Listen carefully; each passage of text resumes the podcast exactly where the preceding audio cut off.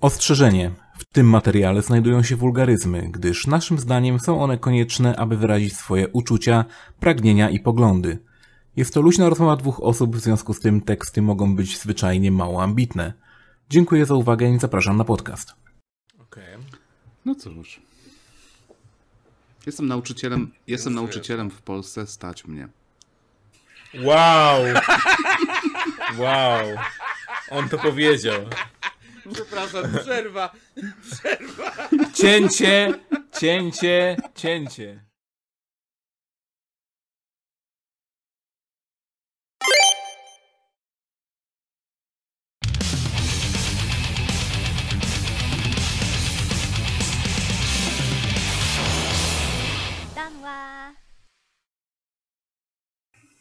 To czyń obowiązki prowadzącego, właściciela i tak dalej. Witam wszystkich w kolejnym 32 odcinku podcastu Pograduszki. Jest ze mną Konsolajte To znowu ja? i wyjątkowo jest z nami nikt inny jak Adam Piechota.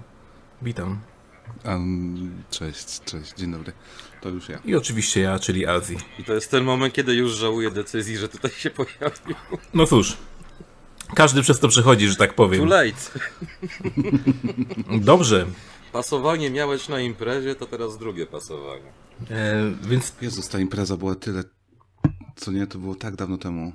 impreza. Trzy, cztery, pięć? Nie pamiętam. No przed pandemią, jeszcze jak istniał czas. Kurde, naprawdę, teraz powinniśmy każdą historyjkę, jak kiedyś ileś tam AD, to po prostu before pandemic. Tak. BP po prostu, Zamiast nie? BC to BP.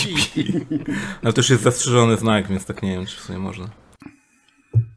Oj tam, oj tam, coś się wymyśli. No dobrze. Roku pańskiego to roku przedpandemicznego. BPP. Dzisiaj mamy taki wyjątkowy w sumie cross z podcastem e, bez dyskusji. W związku z tym, e, Adamie, proszę powiedz coś o sobie w takim razie. Kim ty w ogóle jesteś? Bo dla naszych słuchaczy myślę, że nie wszyscy mogą cię y, kojarzyć, więc opowiedz coś o sobie, o twoich, twojej twórczości może. Dobra. E, jeżeli ktoś mnie kojarzy, to kojarzy mnie z, z magazynu cudownego, w którym pisze też e, Dareczek tutaj nasz. Nie wiem, czy ty, do ciebie się można zwracać po imieniu, czy trzeba mówić konsolitę? Można. Raz. Everybody gets one. Aj, shit, to już wykorzystałem swój raz. E, więc jestem, Nie, red, spoko, nie mam problemu. jestem redaktorem PSX Extreme. E, pod sześciu, znaczy już szósty rok mi leci. E, pisania tam. Wcześniej pisałem e, w poligami.pl. E, no i rzeczywiście, tak jak mówił tutaj Azji, e, przyszedłem do was, do waszego świata, z wami pomarudzić z podcastu bez dyskusji, e, który no jakby jest maluteńki jeszcze, nawet w porównaniu e, z pograduszkami. Obraziłem was mówiąc nawet, nie? W sensie Nie no, chodzi o to, jakby że jesteśmy... jesteśmy bardzo małym podcastem. To, że y, wiesz, są jakieś tam subskrypcje na YouTubie, to jest e, pokłosie trochę innej twórczości niż, niż sam podcast, a, a statystyki Mhm. mówią same za siebie, ale jakby, no wiadomo, jak się tworzy podcasty, a szczególnie takie e, niszowe troszkę o, o grach, jak właśnie jak my, no to te statystyki się tak bardzo też nie patrzy. Takie niepopularne. Tak. No ale wy już jesteście jakiś czas w sieci, więc y, no, moim zdaniem macie status większy od naszego, bo my tam zaczęliśmy dopiero w maju. E, jestem jedną trzecią tego podcastu, e, ale że jedną trzecią, która pisze do Extrema, to podejrzewam, że dlatego pojawiłem się tutaj. E, więc stamtąd możemy znać. Musimy mieć jakąś gwiazdę. Ta lepsza A jeżeli, połówka. a tak. jeżeli, jeżeli któryś z waszych słuchaczy jest w wieku szkolnym, to jeszcze jest szansa, że jest moim uczniem. O, Bo ja we, we Wrocławiu jestem nauczycielem. o, to akurat jest, jest możliwe. E, A czego uczysz? No, od nas się mogą nauczyć tylko sarkazmu i przeklinania. No To jest Ale zapraszamy, To, to to, jest bardzo to jest bardzo ważna umiejętność. E, a, Dokładnie. Azji uczę języka polskiego i filozofii. Super. No dobrze. E, czyli tak, teraz się cieszysz, Czyli tego, z czego PS Extreme nie słynie. cieszysz się w sumie wakacjami teraz, tak? Nie, nie, cieszę się y, ich końcówką. A, okej. No, ale już, już, się- już się nawakacjowałem, ja już wracać do pracy. Brzmi to dość dziwnie, no ale Nie, no słuchaj, jeśli lubisz swoją robotę, no to nic tylko pozazdrościć. tak lubię. Powiem, mówię to w razie czego, Teraz gdyby ktoś nas słuchał stamtąd. Nie, no bardzo dobrze, no dawaj, jedziesz.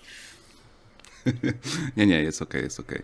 Dobra, to, to, to, to tyle o mnie. Super. Jakby, y, no, Dobrze.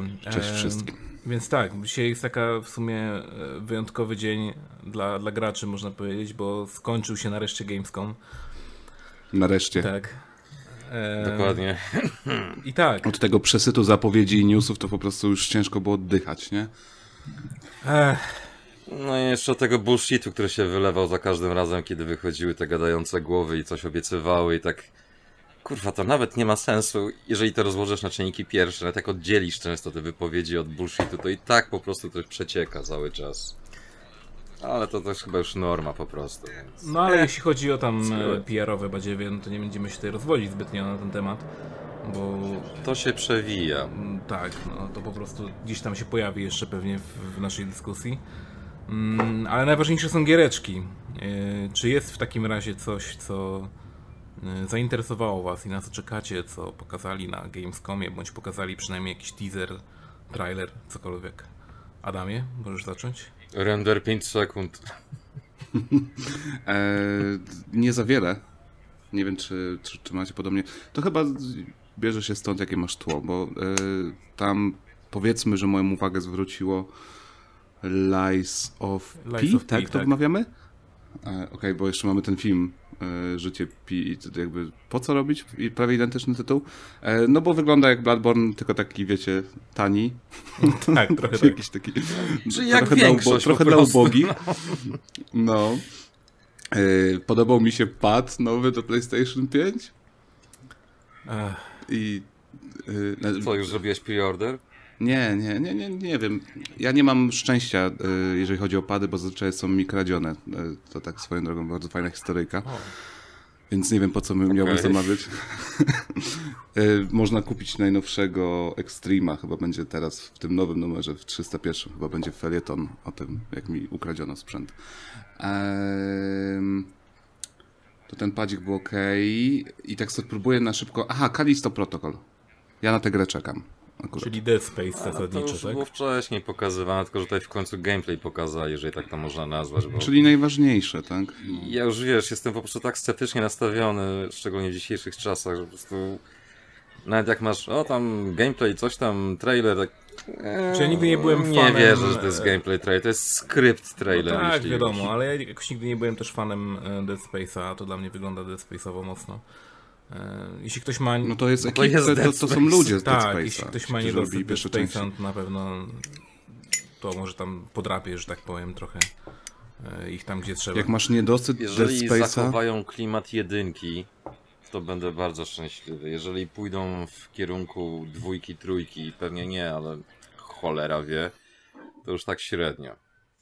Bo jedynka była zajebista na tej zasadzie, że tam nie było żadnego parcia na to, że musimy robić uniwersum i tym podobne, po prostu to była krótka historyjka z fajnymi elementami. Oczywiście tam cała masa było takich typowych zagrań, że o, coś tam wyskakuje i tak dalej, ale atmosfera była fajna. A potem to już world building, potem to DLC zasrane, mikrotransakcje, to wiadomo, niby oficjalnie wina EA, ale ten...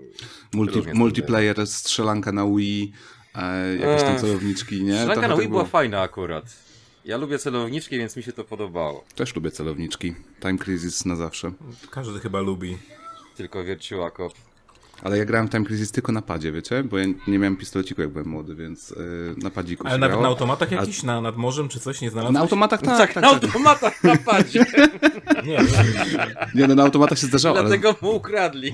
w domu, w domu e, w jedynkę Time Crisis, jeszcze zanim dwójka w ogóle wyszła, to grałem na padzie i ona nie miała obsługi nawet analogów, więc trzeba było na strzałkach Tak. grać, nie? A używałeś drugiego pada jako pedału? Nie?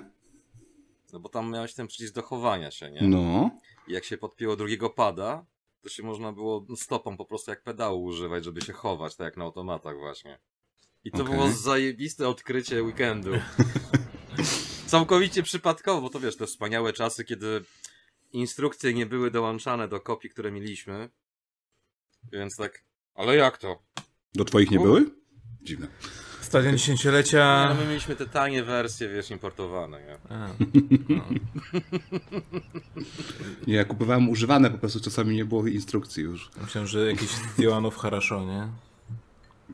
Nie, śmieszne jest to, że w ogóle piractwo y, nas, nas kosztowało, nie? Y, że, że musieliśmy płacić za te piraty. No. Jakby to trochę zaprzeczenie tej idei piractwa. Znaczy, No, wiesz, koszty dystrybucji nośników i tak dalej. Ile tam te piraty kosztowały? 6 dych najwięcej chyba, czy tam 8 dych max.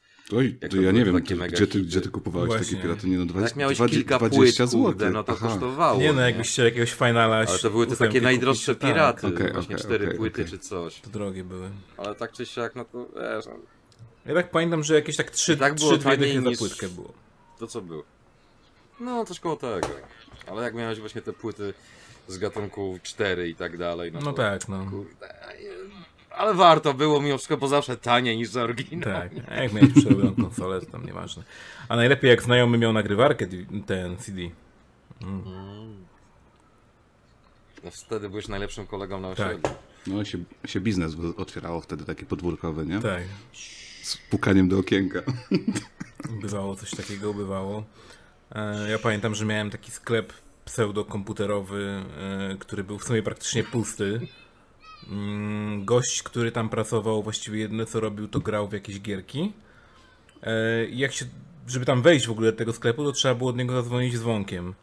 No i oczywiście musiałeś czekać, bo on musiał on sobie grał w gierkę, więc nie jest tak, że on od razu zapauzuje, tylko coś tam sobie porobi chwilę i w końcu ruszy tyłek, otwiera ci drzwi, no i jak potrzebujesz jakichś, nie wiem, czystych płytek, czy nie wiem, czy jakiś tam pierdół typu wentylatory, czy tak dalej, coś do komputerów, spoko.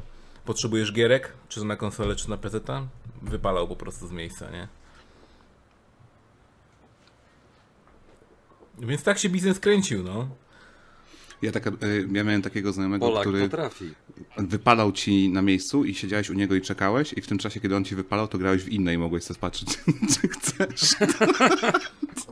Reklama dźwignią Taki handlu, tak? window shopping trochę. No. Spok. no dobrze. Tutaj tego typu historyjki już nie dałem. Ale o samym y, Gamescomie wróćmy jeszcze do niego na chwilę.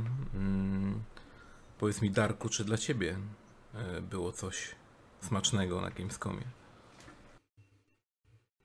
Niespecjalnie, ale urocze mi się wydało, kiedy pokazali, raczej ogłosili, że najnowsza pseudo część Monkey Island będzie miała premierę w dniu mówienia jak pirat. I od razu po prostu pojawiła mi się w głowie cała masa memów na zasadzie, że czemu nie pójść dalej i na przykład zrobić premiery na Pirate Bay albo coś w tym stylu. albo nawet się dogadać z nimi, że tam jak są te logosy na No. początku, tych jakichś tam sponsorów, jakichś, nie wiem, silników i tak dalej, tam Pirate Bay Presents. Bo to byłby dobry dowcip Tak. pozorom. Ale nie. Poza tym to zagram oczenie, zobaczę. Na chwilę obecną moje uczucia są na zasadzie Eee, eee. Ta grafika. Po prostu.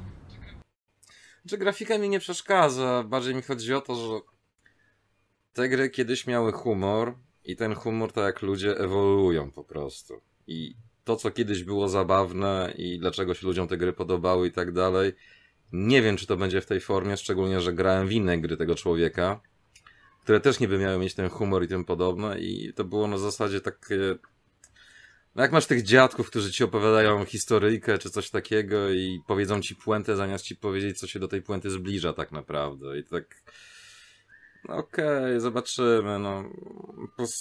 Nie wiem, z jednej strony on się tam odcina od tych innych części, których on nie robił, ale są postacie z tych części, więc tak... Znaczy on się nie odcina, on mówi, że bierze z nich to, co jest dobre, Mhm. ale robi to, co chciał zrobić. No tak, ale wielokrotnie tam się wypowiadał w różnych miejscach, że tam ta część to to nie jest jego Monkey Island, że w ogóle tego się nie powinno na poprawkę i tak dalej, że to jest takie side story osobne i w ogóle bla bla bla. A teraz, że takie cherry picking robi. Z jednej strony okej, doceniam, ale z drugiej strony no to tak no albo albo, kurwa, no po prostu. A się zdziwisz, jak się okaże, że tam pod koniec gry, że jest multiversum po prostu, nie? Monkey Island i że są dwa wymiary, które się ze sobą no, stan- mieszają. John Tripwood i The Multiverse of Madness. nie, Multiverse of Bullshit. No, ale mi osobiście y, jakby to w, jakim, w jaki sposób ta grafika teraz będzie wyglądać y, osobiście nie odpowiada. Mm, Odrzuca mnie to, y, to raz, a dwa, y, no jednak porównując ze starą grafiką, to brakuje tego czegoś. Tego czegoś, czego ciężko określić, co to dokładnie jest. Ale może jakiegoś jakby kierunku artystycznego, No to bo, na pewno. Bo to w taki sposób oni teraz to zrobili, dla mnie jest po prostu słabe. I szczególnie porównując ze starymi screenami, jakby gdy porównywali właśnie to z tego trailera, właśnie co tam pokazywali. No sorry. No wyglądało to wcześniej lepiej, po prostu. To, że była grafika starsza, to nic nie szkodzi. Po prostu to wyglądało lepiej. Ale ty mówisz o tych pierwszych dwóch częściach oryginalnych, Tak, tak, czy o tak. tych już późniejszych, co były bardziej jak filmy Znaczy- animowane? I nawet te późniejsze nadal były moim zdaniem wyższej jakości, nie? Ale tak, ale mówię o wcz- wczesnych, chodzi, chodzi mi o te wczesne wersje. Że jednak Czy mi się to kojarzy z tym stylem, co swego czasu Cartoon Network miał, kiedy robili te takie nowe serie i wszystko było po Tak. takiej taniości, właśnie tą najprostszą Tak. kreską i tak dalej, że praktycznie jak dobrze poszło, to no może postacie się troszkę od siebie różniły, ale wszystkie tła, jakieś tam inne animacje, gdzieś tam to po prostu plansza statyczna i tam się nic nie dzieje. I jeszcze te takie typowe ujęcia na gadające głowy i recycling animacji. To tak, tak mi się kojarzy, tak po taniości trochę, ale jest troszkę tam elementów graficznych takich dorzuconych, żeby nie wyglądało to aż tak biednie, ale no, kurwa mać, to jest pieprzony point and click, to powinno mieć trochę inną grafikę, bardziej czytelną. dokładnie o to chodzi. I przypomina mi się, jak on tam bodajże, czekaj, czekaj, przy okazji Broken Age Mm, był ten taki dokument, co oni tam Aha. robili, on tam się wypowiadał, że on nie chce pixel hunting i tym podobne w tej przygodówce i kurwa, to jest dokładnie to, co zawsze krytykował i narzekał i per... będzie po raz kolejny ten pixel hunting, tylko jeszcze gorszy teraz. Bo tutaj się będzie podejrzewam wszystko zlewać, ale zobaczymy. Okej, czy poza Monkey Island cokolwiek? Pokazali w zasadzie wszystko to, co już wiadomo, że będzie, plus cała masa rzeczy, które tak zrobiły na mnie wrażenie, że już nawet nie jestem w stanie przypomnieć sobie absolutnie. Ej, nic. chłopaki, a Nintendo coś pokazało w ogóle na, na Gamescomie?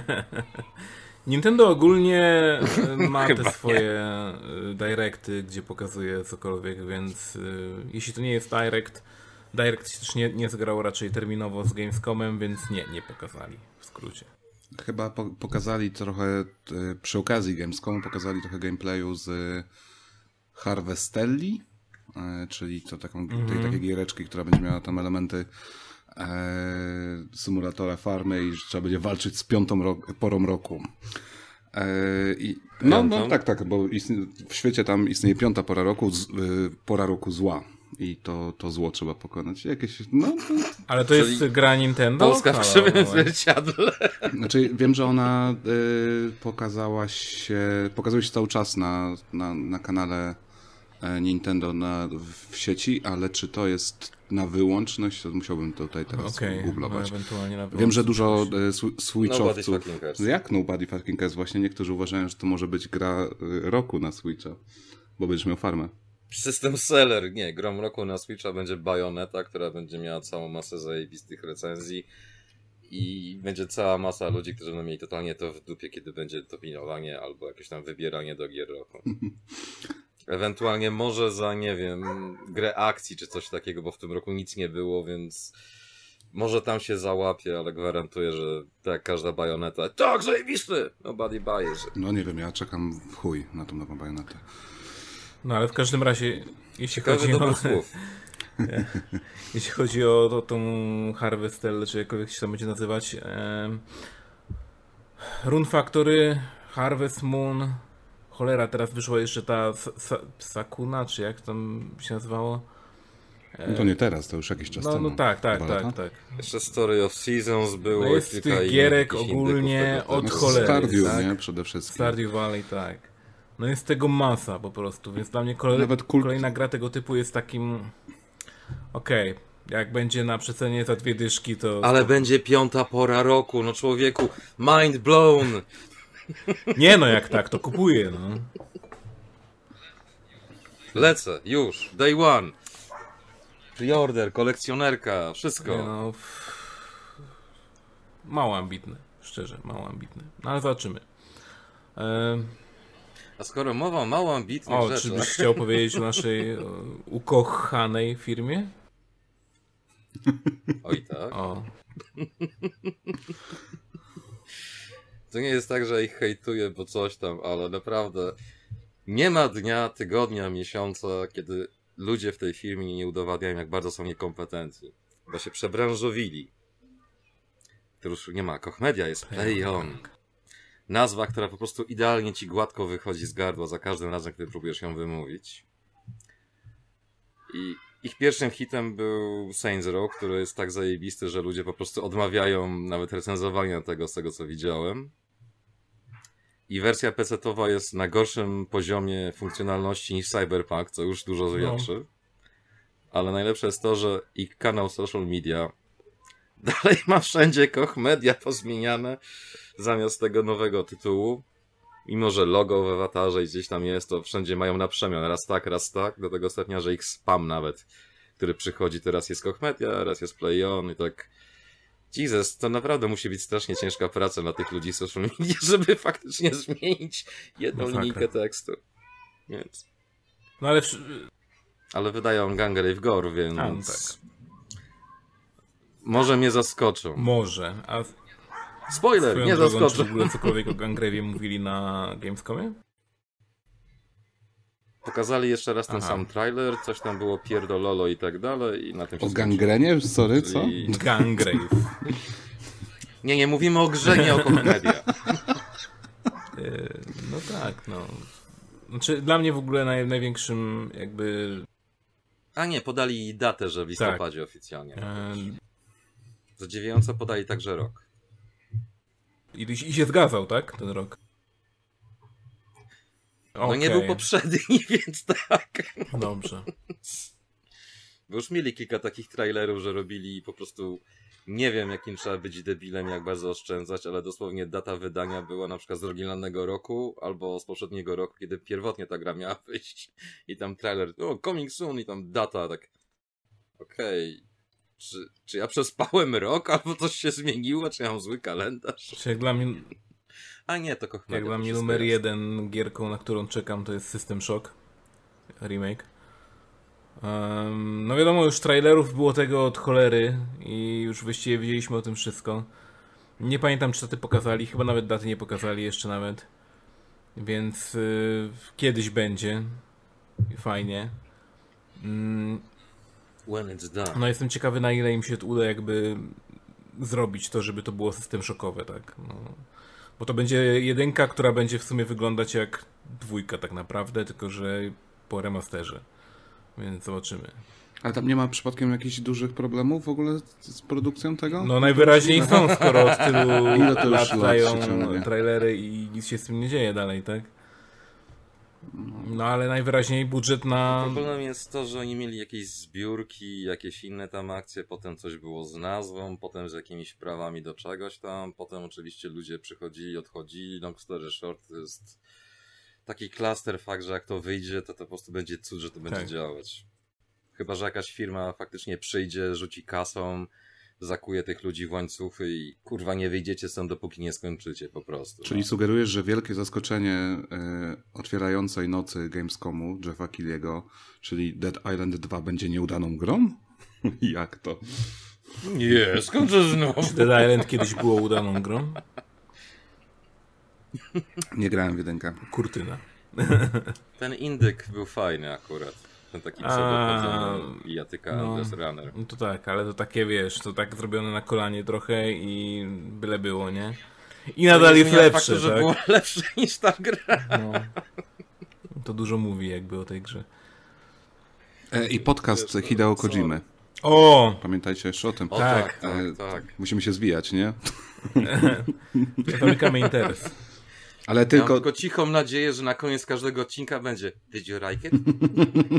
ale to będzie tylko na Spotify'u, nie? Bo ma deala ze Spotify'em. W ogóle oni coś robią. Kto to będzie mu tłumaczył? Oni wchodzą teraz w tę w tę influencerkę, bo e, Kojima podcast, a Sakurai z Nintendo, tak? On ma Sakurai, ten od Super Smasha za, otworzył kanał na YouTubie, nie? Okej. I będzie teraz robił youtuberkę. No, pieniążki się od Sony skończyły, pieniążki od Nintendo się skończyły. No sorry, trzeba za coś żyć. E, no, jeśli chodzi o Kojimę, no to mnie zdziwiło w ogóle, że on zrobił ten podcast. Tym bardziej, że on jest w pełni po japońsku. Więc mm, ewentualne tam napisał to raczej na Twitterze, że będzie też po angielsku jakiś oddzielny y, jakby mm, podcast. Z napisami na Spotify. Nie, że niby tam właśnie będzie jakimś lektorem. To będziesz coś, miał w tak. tym, y, na Spotify będziesz w dół zjeżdżał i będzie tekst utworu, nie? I będziesz mógł sobie no, tekst Tak, więc jakby, wie, wiecie o co chodzi. To chodzi Cała transkrypcja w właśnie opisie. i, i, i te absurdy, o których teraz mówicie, to właśnie jest to, że dochodzimy do takiego troszkę momentu absurdu. Pytanie, czy teraz w takim razie polskie podcasty, czy na przykład pograduszki też powinniśmy zrobić sobie po prostu wynająć lektora, który będzie tłumaczył naszą gadkę i puszczał to w internet angielski, tak? Lektor to najmniejszy problem. Ty znajdź kogoś, kto to wszystko przetłumaczy Stary, i się nie załamie po Mi by się nie. 10 Chociaż z drugiej strony przetłumaczyłem cały podcast z Jimem z kanału Kid Shoryuken, więc jakby... Ale to w drugą stronę z kolei działało, więc no... Ale to był jedyny raz i więcej się nie powtórzy. Pewnie tak. E, Dobrze, że miałem e, dużo czasu w cudzysłowie wolnego, żeby to zrobić, ale tak. I teraz ten mem. Eternity later. No ale tak, ale jestem ciekawy właśnie, co będzie z tym podcastem, czy to będzie jak, z jakimś opóźnieniem ten angielski podcast wychodził, czy jak. Nie wiem. Oczywiście, że tak. Ja się w ogóle dziwię, no jakby Kojima cholera. Myślę, że nie będzie z opóźnieniem wychodził, bo Spotify, jeżeli dobrze znam temat, no to jakby w Japonii nie za bardzo istnieje, nie?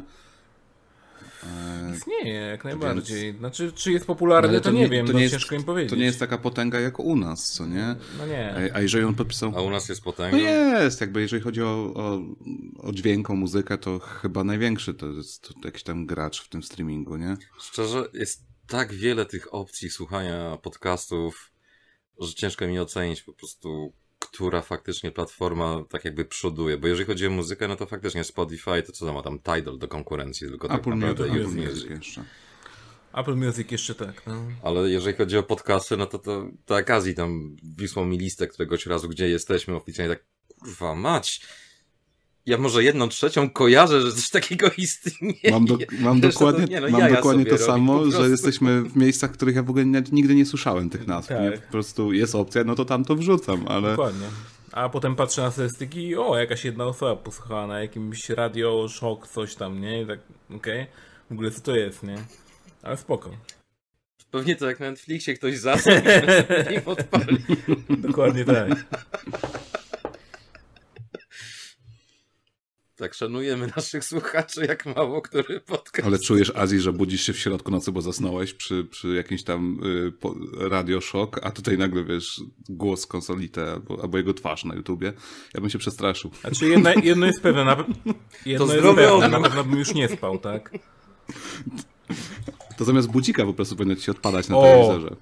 Ja sobie wezmę ten e, pamiętny, e, niesławny odcinek podcastu w takim razie, w którym byliśmy, to był chyba jakiś rocznicowy e, z Consolite właśnie i z e, Krzyśkiem z Elektroskansenu, Terminator jeszcze był i z ktoś.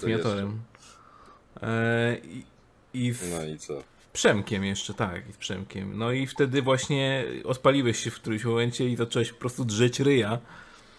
I, i tak się właśnie zastanawiałem, czy sobie tego, tego, tego momentu, tego fragmentu właśnie nie wziąć na budzik, nie? No jedno jest pewne, na pewno by się obudził, ale nie wiem, jak mi się czuł resztę dnia, tak?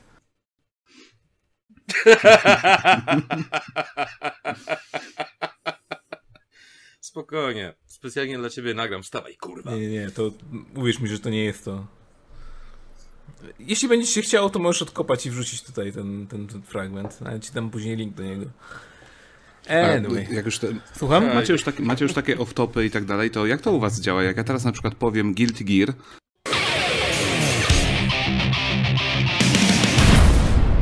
to od razu się włączy muzyka w podcaście? Czemu to zrobiłeś? Właśnie to Oczywiście, że zrobiłeś. tak. Oczywiście, że tak. To jest automat, tak? Tego nie możesz powstrzymać. Ruszyła maszyna. To jest jak No z tym. Bloody Mary, że jak powiesz trzy razy, to nie, wystarczy raz, już koniec. Już Musisz nie ma powiedzieć trzy razy o odwrotu. północy do lustra i wtedy konsola i to się pojawi.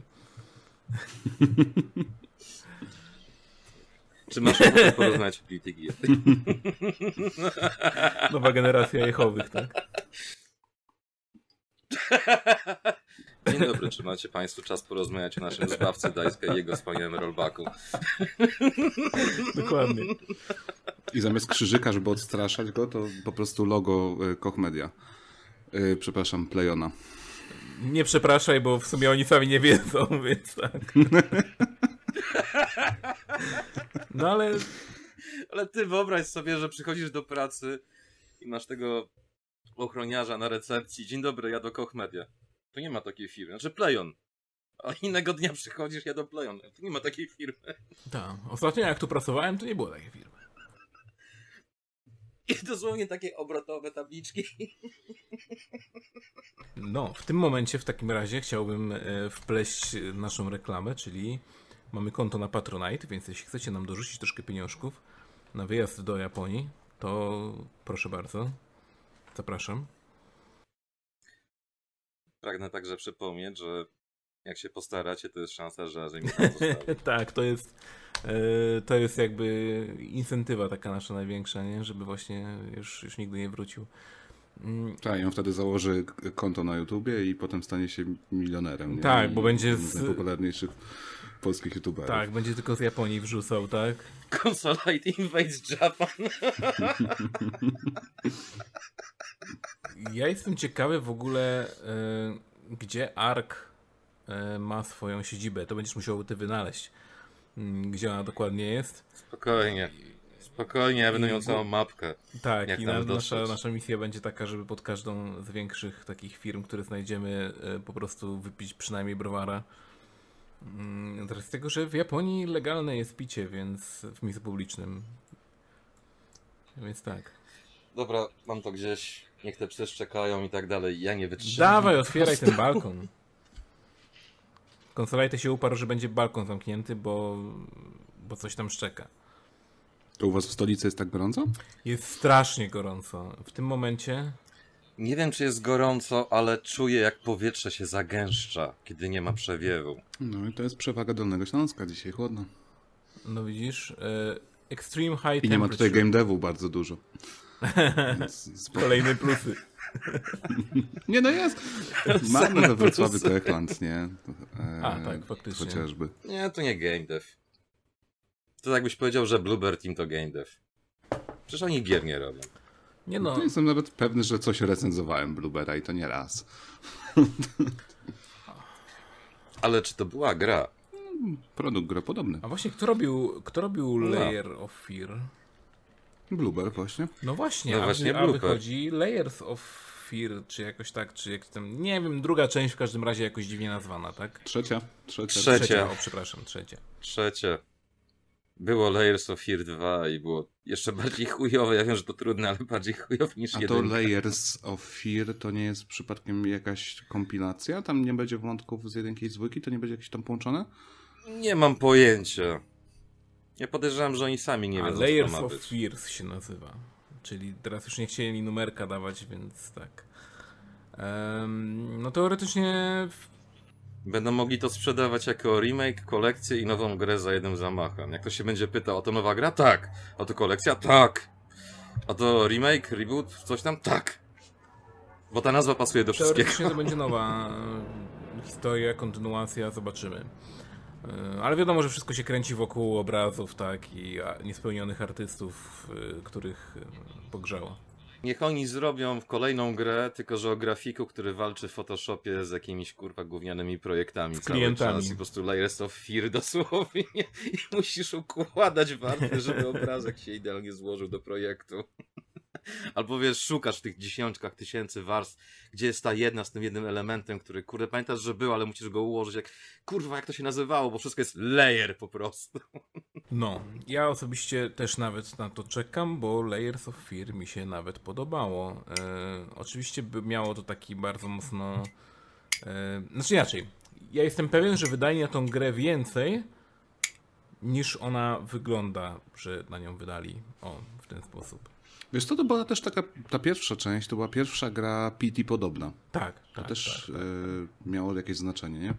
Świętej pamięci PT, bo mi ukradł, ukradziono mi konsolę z PT zainstalowanym, już nie mam. nie. Uuu. Miałem, to był mój taki, to był mój, Jakby mu nie ukradli, to, to by był mój kolekcjonerski as w rękawie właśnie, że, żeby mieć tą konsolę z Team PT, nie? O nie. Na czarną godzinę. No naprawdę, nie? Nie, po prostu na, na kolejny skok z stóp procentowych, wiesz? No właśnie o to mi chodzi, na czarną godzinę. Jak jaszczą wyląduje. Eee, no i jedynka, ja ci powiem, że tak, jedynka to nie za bardzo. W sensie e, piękna była muzyka, Mhm. zwłaszcza Arka Rejkowskiego, ale dwójka mi się trochę podobała, bo ja jestem też gościem od starego kina. Ja bardzo lubię e, kinematografię na przykład Georgesa Mélièsa i tam było bardzo dużo tych wątków. Jasne, to nie są jakby tam perfekcyjne, w ogóle perfekcyjne, nawet powiedzmy dobre horrory, tak? Tak. Ale są, ale mają momenty i to są momenty, które sprawiają, że warto. Mhm. Bo, Nie wiem, dla mnie w jedynce najlepsze co było to kredicy, gdzie jakiś biedny grafik siedział i robił takie portrety, ale stylizowane na stare ilustracje, jakieś takie romańskie, ala steampunk tych wszystkich Wiesz, co jest zawsze najzabawniejsze w takich kredytach? Bo naprawdę tam było widać, kurde, że Tam- ktoś bo- się starał. Tego typu kredyty to już nie jest jakby nowa rzecz e, i to się zdarza dość często teraz. I zawsze mnie to śmieszy, mega mnie to śmieszy, gdzie są na początku właśnie tam te twarze e, tych twórców, a potem nagle tam już dalej lecimy i już walić, tam już mi się nie chce, nie? Tam tam będę testerów robił twarze na przykład, czy kogoś, nie? trzy kolumny osobne napisów, żeby, żeby za długo nie trwało, nie? Żebyś nie mógł siebie znaleźć. Tymczasem, tak, tak. e, tymczasem Final Fantasy cz- czekaj, 14, która to była ta online? E, 14. Czternastka. E, w, naj, rekord świata chyba ma nadal za naj, najdłuższe kredyty. Chyba nadal ma. Naprawdę są, można mieć dłuższe kredyty. Ja pamiętam Assassin's Creed kwestia 4 Homera. i ponad półgodzinne tam właśnie kredyty. Du, dużo dłuższe. Dużo dłuższe. E, To jak godzina ostatni filmik w 38 MGS4. minut. Przypominam teraz Godzina Simpsons The 38 Movie, minut.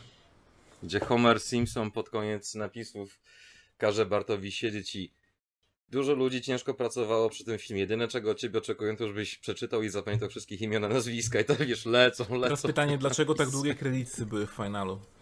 Otóż... E, znaczy nawet nie. E, w pewnym sensie tak, ale nie. Dla, dlatego, że czternastka to są dwa finale tak naprawdę. Jeden zrobiony i z, zresetowany i potem drugi i... Pamiętacie tą Tak, historię, tak? tak, Już tak, czternastka tak, wyszła, tak. ona była taka zła, że trzeba było ją... Przepraszali za nią, tak? Tak, tak, tak. Tak. Zrobić od ją nowa od nowa właśnie tą nową wersję, czyli tą Realm Reborn, Cyberpunk Japonii, to żeby to wynagrodzić to popularne. troszkę w jakiś tam sposób, oczywiście wynagrodzili wiele innych sposobów, ale w każdym razie, żeby jakoś wynagrodzić tym graczom, który, którzy grali w czternastkę e, pierwszą, pierwszą, pierwszą wersję, to wszystkich tych graczy dodali do kredytów. O kurczę. Wszystkich. Czyli w Tak, zasadzie czyli testerów. testerów, testerów, dokładnie. Tylko tych, którzy zapłacili za testowanie, a nie Dlatego dostali kasy za trwa testowanie. właśnie godzinę 38 minut. Jest to rekordowy czas e, kredytów i tak to właśnie wygląda.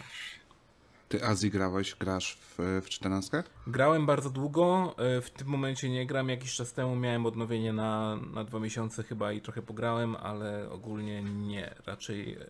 e, Ja gram na takiej zasadzie, że jak wychodzi nowy dodatek, próbuję przejść cały nowy dodatek i właściwie kończę tak naprawdę, nie? I czekam na nowy dodatek Okej. albo jakiś większy update. Ale to możesz mi odpowiedzieć na jedno pytanie, bo mi, e, mi już długo chodzi po głowie, żeby się zabrać za to. E, czy jak teraz się zabierasz za to, to mm, tam na początku tam wiele godzin trzeba zrobić jakiegoś starego kontentu. Czy tam jest też kontent z tej czternastki czternastki? Nie, ponieważ. ym, znaczy, to jest wszystko wytłumaczone w lore, tak naprawdę, nie? Bo jak 14 była, to. y, To tam następuje apokalipsa i tak, świat jest się odbudowuje. dokładnie. I ty Pamiętam. zaczynasz od tego momentu, gdy jest ten, gdzie zostałeś powiedzmy przeniesiony w nowy świat, tak? A, czyli nie można tak jakby tej fabuły prawdziwej czternastki teraz nadrobić już. Nie, ale nic nie tracisz. To od razu ci powiem. nie, naprawdę, nie. Jest, y, tam ta fabuła była y, w porównaniu do tego, co zrobili z Final Fantasy Realm Reborn, no to tamta fabuła była tragiczna. To, co oni teraz odjebali w ogóle z tą fabułą, to to się nadaje na jakiś y, feature film, nie? Bo to jest, to jest po prostu świetne. Nie podpowiadaj im, proszę. cię. Wi- Wystarczy, Wystarczy tak, tak, jeśli chodzi o Final Fantasy. To wystarczy już, może niech nie próbują. Ale ktoś może kiedyś Wszystkie trzy pomysł. były złe, nie? Te takie te Znaczy nie. pełnometrażowe. A wy oglądaliście ten Final Fantasy, Final Fantasy, ten film, co tam spowodował upadek Square y, w czasach premiery? Z, um, Within, no.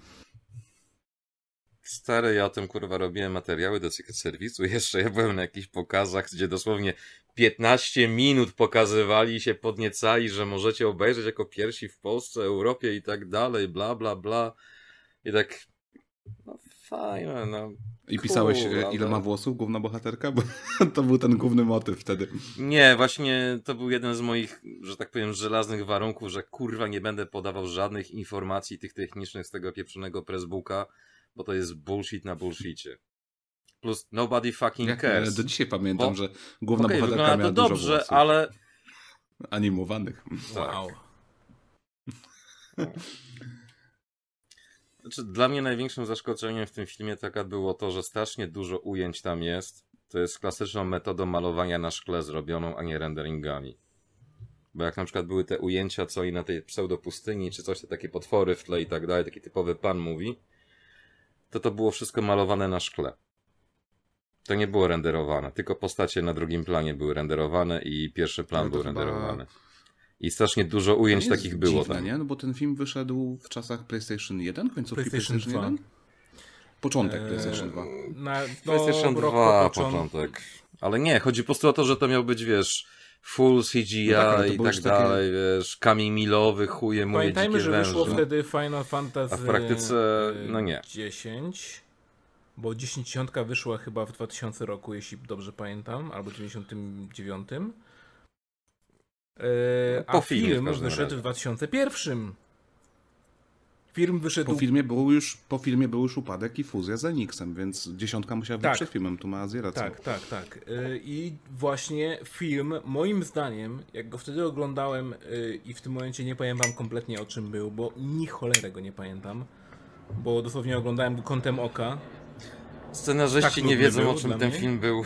E, w każdym razie e, dla mnie te sceny, które tam były, wyglądały jak cutscenki z dziesiątki, albo nawet gorsze. I to mnie dziwiło, bo myślałem, że jeśli widziałem w dziesiątce, jeśli widziałem w grze takie zajebiste cutscenki, jakie tam były, to stwierdziłem, nie no, jak oni będą robić film, no to to będzie naprawdę super, nie? A to wygląda nadal jakby dosłownie ten sam team, ci sami ludzie, w tym, z tym samym budżetem tak naprawdę robili po prostu feature film, tak? Y, Tam Budżet mogli mieć ten sam, szczerze powiedziawszy, tylko czasu więcej ta było do kolorystyka tam trochę przeszkadzała, wiesz, bo to oni chcieli zrobić z tego takie prawdziwe science fiction Mhm. i to nie miało żadnego sensu, bo dziesiątka jest taką barwną częścią tak, gry, tak. że nasz dziwne, nie, że potem idziesz w takie takie szare bure gówno, nie, i No. Ale to się taniej renderuje. oj, Tak samo jak wszystkie filmy, które obecnie mają scenę akcji w nocy, albo w deszczu, albo coś tam, to tylko dlatego, że to się szybciej dużo po prostu. Tak, ale głównie chodzi o to, że im więcej światła, tym więcej jebania się, no bo jak masz różne ujęcia i tak dalej, to po prostu to światło musisz zawsze ustawiać odpowiednio. I choćbyś nie wiem ile miał skryptów, gotowców i tym powiem, to coś- zawsze trzeba to poprawiać. A jak masz noc, no to... A tutaj Coś lampa poświęciła, nobody powiedział fucking cares. Właśnie Adam, tak. Myślę, że właśnie o to chodzi, o kierunek artystyczny. Znowu do tego wracamy w sumie, tak? Że kierunek artystyczny e, Spirits Within mi osobiście nie pasował po graniu w dziesiątkę, tak? Bo dziesiątkę grałem jakby przed tym, jak to widziałem. Więc y, w dziesiątce to wszystko było naprawdę właśnie barwne, fajne, y, dużo się działo w tych kascenkach, dużo tam było detali, a potem odpalasz właśnie ten film i masz takie, no jakby okej, ale to, to w sumie wygląda bardzo podobnie, ale trochę po taniości, nie? No bo jednak musieli to rozciągnąć trochę dłużej, więc tak. Czyli Final Fantasy VII, co zrobili później, Nie, także właśnie. ci nie podeszło. e, ten One Winged Angel. o nie, o nie, stop, Lub, lubisz Advent Children? Tak, tak. Okej, Naprawdę, robić, naprawdę lubię gorąco. ten film. Jest fajny, oglądałem go kilka razy. A co, ty nie, no, ma lubisz? świetne sceny walki, nie? Znaczy bardzo mi się podobało jak miałem 16-17 lat, jak to oglądałem. Już ja miałem lat, za- pewnie mniej, tak? Stoi tam za mną e, to, wydanie takie rozszerzone, dłuższe, o 20 minut. Kiedy w ogóle wyszło to? Ja już myślałem, że powiesz, stoi ze mną taki wycięty stand Kloda i obok Tifa i pamiętam jak się tuliłem i tym podobne. Pewnie jak miałem te 15 lat, to bym się przytulił do Tiffy, nie? Ehm, Mogę ci poduszkę kupić taką z wydrukiem. Ale nie, 14 lat, jak to wychodziło. Żeby ci odżyły Wtedy mi, lata wtedy mi się bardzo Azji podobał ten film, tylko że y, fabularnie on nie istniał, nie? To były tylko sceny walki. Znaczy tak, nie oszukujmy się, ta fabuła była tylko No, i wyłącznie było naciąg... praktycznie ta, ta fabuła była naciągniętą fabułą siódemki na to, żeby stworzyć po prostu film w jakiś tam sposób, tak? Fabuła nie ma nic wspólnego jakby z grą, nie ma nic wspólnego z tym, jak fajna fabuła była siódemki kompletnie, tylko jest taką krótką historyjką, spin-offem wręcz, można by było powiedzieć, byleby tylko zrobić ten film tak naprawdę i usprawiedliwić w jakiś sposób yy, To jest tak jak w walkę. anime robią specjalne odcinki, które są wyrywane z całej fabuły, tylko chodzi o to, żeby właśnie coś fajnego pokazać i zapchać ten czas, kiedy jeszcze się nie zrobiła manga. Ale ja powiem wam totalnie szczerze, że mi to absolutnie nie przeszkadza. No. Bo dopóki film jest wykonany na tyle dobrze, że e, możesz po prostu wziąć popcorn i, i go oglądać, to spoko. E, to jest rzecz, która może mogłaby mnie wkurzać na przykład w filmie, e, nie wiem, e, Marvela, kiedy idziesz ze znajomym, totalnie nie mówię tego z autopsji, kiedy idziesz ze znajomym do kina i on ci mówi, nie no słuchaj, ten Marvel to w ogóle jest świetny, zobaczysz, zobaczysz, zobaczysz film nowy, to nowy Avengersów czy coś tam, to będzie mega, naprawdę, super, zobaczysz. I potem idziesz na ten film i nagle no, no nie jest taki fajny jednak, jak mówiłeś. No, nie, nie, nie podoba mi się to aż tak bardzo. E, ale, ta, ale, ale sceny, które walki No to tam nowe były... Marvele ale też ci sceny się nie spodobają. były, Spoko, nie? To właśnie Advent Children jest na odwrót trochę, nie? Że, że te, te, te story tam w ogóle, już wiadomo, że będzie gównem, jakby to każdy to akceptuje. Ale nie o to chodzi, no. Chodzi o, o właśnie te sceny, o właśnie no, technikalia tego filmu, yy, które naprawdę wyszły bardzo dobrze i mi się wydaje, że to jest All Limit Breaki, które są Powiem tak, oglądałem ten film nieraz z różnymi, że tak powiem, osobami, które, z których część nie była w ogóle wkręcona w gry, nie grała w gry nigdy, e, bądź nie grała nigdy właśnie w Final Fantasy VII. E, I każdemu się ten film podobał w sumie. E, Jeśli chodzi. I żadna z tych Yy, osób już nie zagrała. w tą żadna, żadna z tych osób raczej nie mogłaby ci powiedzieć, o czym dokładnie był ten film. Ale czy to jest ważne, jakby, dopóki wychodzisz, wiesz, całkiem zadowolony i stwierdziłeś, że w sumie, nie wiem, to nie jest jakiś czas totalnie zmarnowany, to w czym rzecz? Ty, a dlaczego oni się bili w powietrzu? Nieważne. No bo Było cool. Ale dlaczego? ale to jest Nieważne. To, ale... można zawsze, wy, Just don't think about to it. można don't zawsze think about it. tym, że unoszą się po prostu na własnym gniewie, tak? A czy wy mieliście wątpliwą przyjemność, z- Fasolka, mój drogi, mieliście fasolka. wątpliwą przyjemność skończenia y, tego remake'u, siódemki? Miałem wątpliwą przyjemność skończenia, tak. Yep. Yep. No to wiesz, że jakby w drugiej, trzeciej części pewnie będzie dużo już nawiązań do Advent Children, więc... Ech, no, boję się tego. Znaczy i tak w to zagram, bo ja, ja zawsze to powtarzam na tych podcastach też, że jak jest Square Enix, tak, i tutaj gdzieś, nie wiem czy będzie widać na filmie, gdzieś tutaj jest ich, ich dupa na przykład, nie, to ja robię tak. I po prostu czekam na więcej, nie? Stranger of Paradise podobał ci się? Twój pierwszy i ostatni błąd tego odcinka. No ale tak jest. Azji, no. podobało ci się Strangers of Paradise? Stranger, Stranger y, Paradise. grałem chwilę w to, tak naprawdę w to demko i szczerze powiedziawszy nie. Nie podoba mi się. Po prostu mi się nie podoba. E, ale Ja, sko- ja skończyłem do recenzji, do Extrema, bo to czasami się zdarza. właśnie będę E, musiał zagrać w to tak e, w pełni i zobaczyć tak na dobrego. 100% czy mi się e, spodoba. Czyli inaczej, jak, będzie, jak wyjdzie gra, to pewnie i tak w to zagram, nie? A to już jest! To już wyszło? Ale już wyszło. Ja widziałem, marcu ja ostatnio się zatrzymałem na, na momencie, kiedy to było demkiem, ale zaraz, zaraz wejdę na Xboxa i się okaże, że pewnie kosztuje 300 zł i powiem nie, no więc tak. Jest w Game Passie? Nie no, teraz Nie, nie, no, w chuja robisz naprawdę. No człowieku, już bym ściągał, nie? W tym momencie. Naprawdę, nagrywasz ze mną już tyle czasu, dalej się jeszcze nie nauczyłeś. No bo czasami jesteś miły, no. A tylko nie dajesz tego po sobie poznać, no. A potem nagle właśnie przychodzi stary, niekoniecznie dobry konsolajte i nie wiem, wywraca stół do góry nogami, tak? Anyway. Konsolka, to jest tak, konsolka jest takim diabłem waszego podcastu, ale on tak zawsze miał. Pamiętam na tej imprezie. Na tej imprezie Extrema, na jednej, na której byliśmy wspólnie, to on tak siedział właśnie zawsze w kącie całej imprezy i, i patrzył sarkastycznie i już szykował naboje w pocisku swoim, nie? Żeby... Nie, ja tylko czekałem na dobry moment zawsze. Ach, ci ludzie.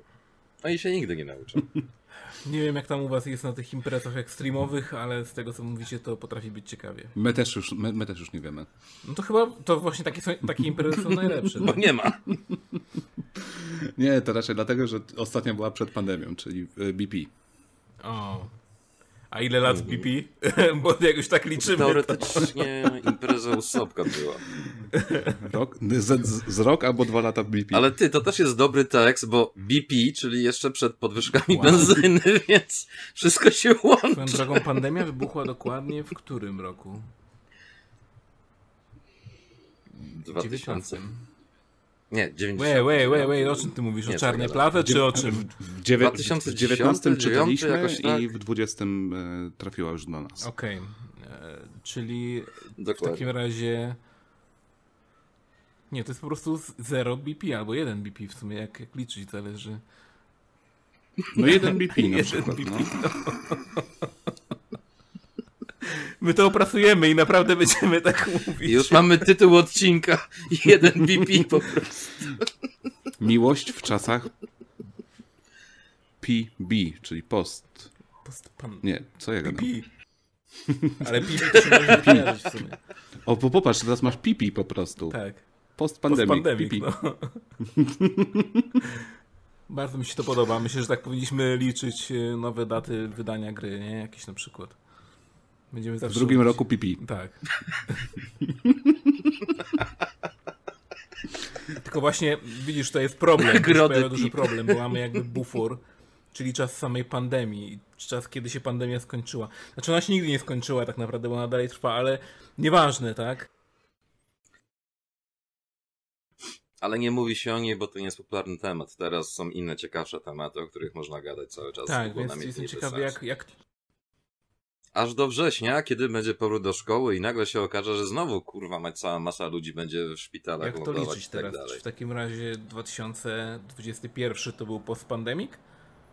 Nie, nie, to jest ten moment, kiedy nie ma czasu zupełnie, czyli 2018 to był jeden BP, tak, a Aha. 2023 to będzie pierwszy pipi. Aha, okej, okay, okej. Okay. A, a poza tym, pomiędzy tym nie ma niczego.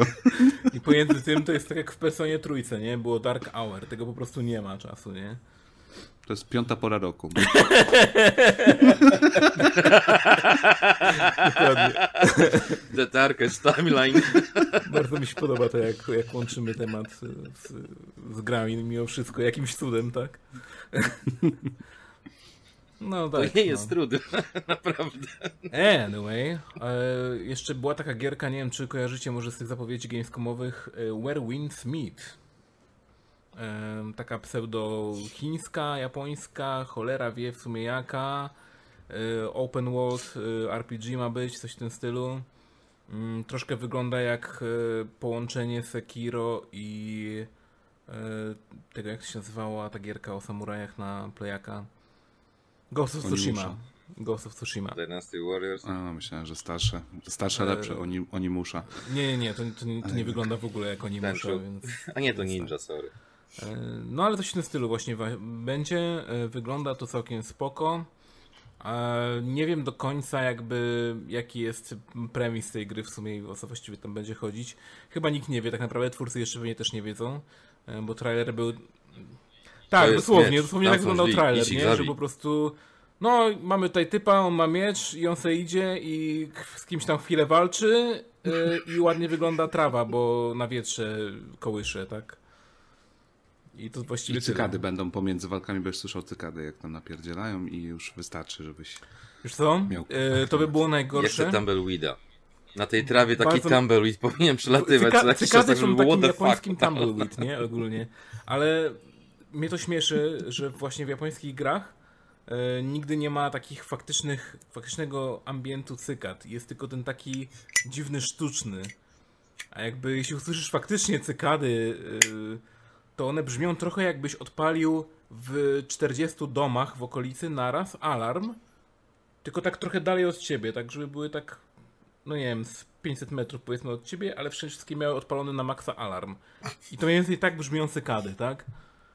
Więc jest to... Ale ja ci powiem, że te cykady z gier, z gier wideo to jest dla mnie ten, ten, ten tak jakby, to jest dla mnie jakby klimat, dźwięk Japonii. Tak, to, tak, tak, tak. W latach 90. Y, imitowało cykady. No, dokładnie. To jest to. Tak, to Pierwsze jest... tęczu albo drugie tęczu, chyba tam było tego dużo. W tęczu było bardzo dużo tego, no. Eee, w Onimuszy w sumie chyba nie, nie pamiętam. Też nie pamiętam. Ale Onimusza to było bardziej Resident Evil, więc o czym Tak, mówimy, tak. tak. De Devil May Cry też było Resident Evil. No, Tak. Totalnie. no właśnie nie, Devil May Cry było tak, nie tak, muszą. Tylko, że przez ten bug z podbijaniem to stwierdzili, a zróbmy grę całą na tym to bugu. znaczy, y, pamiętam, bo zdarzało mi się, zdarzyło mi się do Extrema pisać i o Onimuszy, y, i o Devilu chyba też i byłem zaskoczony, jak, znaczy wiem, że to jest powszechna wiedza, ale jakoś mi to umknęło, że i Onimusza narodziła się jako prototyp Residenta czwórki i Devil narodził się jako prototyp Tak. Residenta czwórki, czyli trzy razy podchodzi do Residenta, a stworzyli z tego w zasadzie trzy serie gier, bo czwórka Residenta to Plus jeszcze te inne prototypy, które zrobili, nic z nich nie zostało poza A filmikami. miał być y, Grom o duchach też Resident Evil 4, nie? Trochę mi się z... No tak, no właśnie o tych filmikach mówię, co pokazywali, że idzie, że jakieś duchy wychodzą, coś tam, coś tam i kurwa, będzie fajne. A nie, skasowaliśmy. Nie narzekam na czwórkę, jakby nie było, A to ja ale mogę, to ja mogę chciałbym wam, kiedyś, by chociaż nawet mogę wam demko zrobili tego. niepopularną opinię. Nie lubię Residenta 4. E, musimy kończyć ten podcast. Mam nadzieję, że było bardzo fajnie nas posłuchać. E, dalej będziemy kontynuować Znaczy- bez naszego gościa. Przyjemna to była gra, tylko że e, ten status jakby, wiecie, jednej z, z gier ty się już nie tłumacz, dla ty już się nie tłumacz teraz. Znaczy, ja, ja też nie rozumiem jakby hypu na zasadzie takiego, że ludzie są bardzo nahypowani ogólnie na czwórkę. Niektórzy uważają to najlepszy Resident Evil. E, Być może tak jest. e, Jakby nigdy na tym się nie rozwodziłem, jakoś nie myślałem szcz- szczególnie. E, Ale tak, ale dla mnie Resident Evil 4 po prostu jest fajną grą. Jest okej. I tyle. No to ja mam tak samo, to mi tylko chodzi o to, że Ale bierz też poprawkę na to, że strasznie dużo osób grało w Residenta 4 jako pierwszą grę A, z serii. może dlatego. W sumie, I stąd w się sumie też ten taki status bo trójeczka bierze. była na PS1, tak? Czy... Jest jeden i PC. i pomiędzy nie licząc wydań na czwórką miałeś GameCube'a. Code Veronica, Code który jest w Veronica, zasadzie też ale nie? Code Veronica było w ogóle na PS2? Tak, A, okej, bo ja tylko na na, Dreamcast, Było. na Dreamcast Jako- Veronica właśnie grałem, X. Nie wiedziałem nawet, czy to wyszło w ogóle na PS2. Ale okej. No, to, no to tak, no to No wiesz, już musieli zarobić na tym jeszcze raz, kurde. no, to A prze- zabezpieczenia... A przepraszam, No. A, a, zer, a Co, co, co? zero wyszło po, przed czwórką czy po czwórce? Po, po czwórce chyba. Nie pamiętam, pamiętam, że wyszło po remake'u To Residenta chyba było 1 tak, że na na GameCube były trzy rezydenty, tak? Remake, Zero i ostatnia była czwórka. Znaczy wszystkie Residenty były. Bo jeszcze wypuścili dwójkę i trójkę, które wszyscy myśleli, że będą odnowione, tak jak właśnie ta jedynka, ale to były zwykłe porty. I zero było w stylu tej jedynki odnowione i czwórka była pseudo Naprawdę jest dwójka i Przez- rok. Na GameCube'a? Przez rok było, no. Nie, Wszystkie wyszły. Na Dreamcasta nawet dwójkę i trójkę wydali. nie na dziwi, Game Boyu miał być Resident Evil 2. Miał być, miał być. I naprawdę fajnie wyglądało. Na rzeczy, Nie, nie, nie, nie, Na nie na zwykłym. Na zwykłym. Nie, nie, na z- jedyn... Nie. Na Game Boyu miał być zwykły miał być Resident. zwykły Resident. Ta pierwsza pamiętam. Ale część. fajnie wyglądało ogólnie te e, screeny, co pokazywali tam, nie? Tak, tak, tak. Prototypy tak, tak. wszystkie są spoko, takie... Kurde, aż bym to sprawdził z czystej No, ciekawości. Szczególnie, że na. Game, Game Boya Colora naprawdę wychodziło tyle shovelware'u, że to mogła być wyjątkowo dobra gra, nie? Wszystko, co było e, przenośną wersją jakiejś gry z którejś konsoli, zawsze było właśnie shovelwarem, nie? To było Znaczy, takie... no nie zawsze, ale tak, bardzo często No prawie, taki, był, prawie, taki nie? był motyw, no. Mi się zawsze podobało to, że na przykład jak na Game Boya robili grę, albo nawet na Game Boy Color i gra była na przykład na platformie 16 bit albo 32 bit, to zawsze mnie zastanawiało, jak oni chcą dosłownie z tej platformy na praktycznie spektruma, kurwa mać spektruma, przenieść to, co tam jest. I czasami technicznie to było godne podziwu. Anyways. Skoro i tak cały czas narzekamy, to może dajmy przerwę naszym wspaniałym słuchaczom, żeby wytrwali przez Zróbmy, chwilę. Wzmocnili zróbmy się. Przerwę, a po przerwie jeszcze pogadamy trochę o portach w takim razie, czy też downgrade'ach różnych gier, bo to myślę, że może być bardzo ciekawy temat i myślę, że wy Ja z jako, przyjemnością. jako y, troszkę starsze ode mnie pryki będziecie mieli więcej do powiedzenia na ten temat. Ej, ej, ej, ej, ej, ej, ej. Azji, ja bym, ja bym e, się, możesz być zdziwiony, jakby mi się wydaje, że konsolka jest tutaj najstarszy, No, na, na pewno, ewidentnie. tak, tak, tak. A ty który rocznik jesteś, czy nie mówisz o tym w podcaście? Yy, Nie, mogę powiedzieć, 9-1. No to ja też 9.1. O, no to widzisz. No to Gówniarze, kurwa.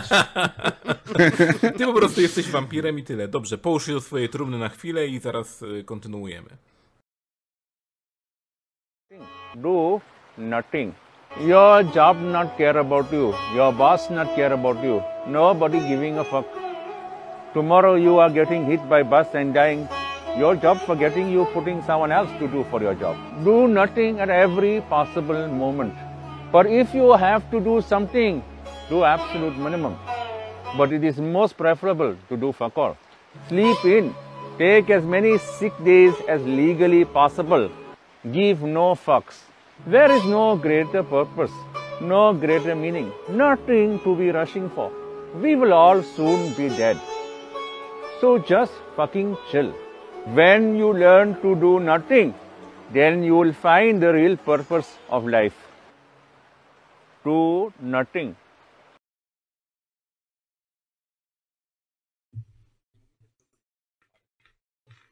A teraz dosłownie tak. Wy, wypiłeś całe Azji? E, To jest mój ulubiony w ogóle ciężki alkohol. Tak swoją Do drogą. połowy. To jest y, pół litra. Jakby co to ja polecam. A co tam masz właśnie? Co to jest? 12-letnie whisky? Yep.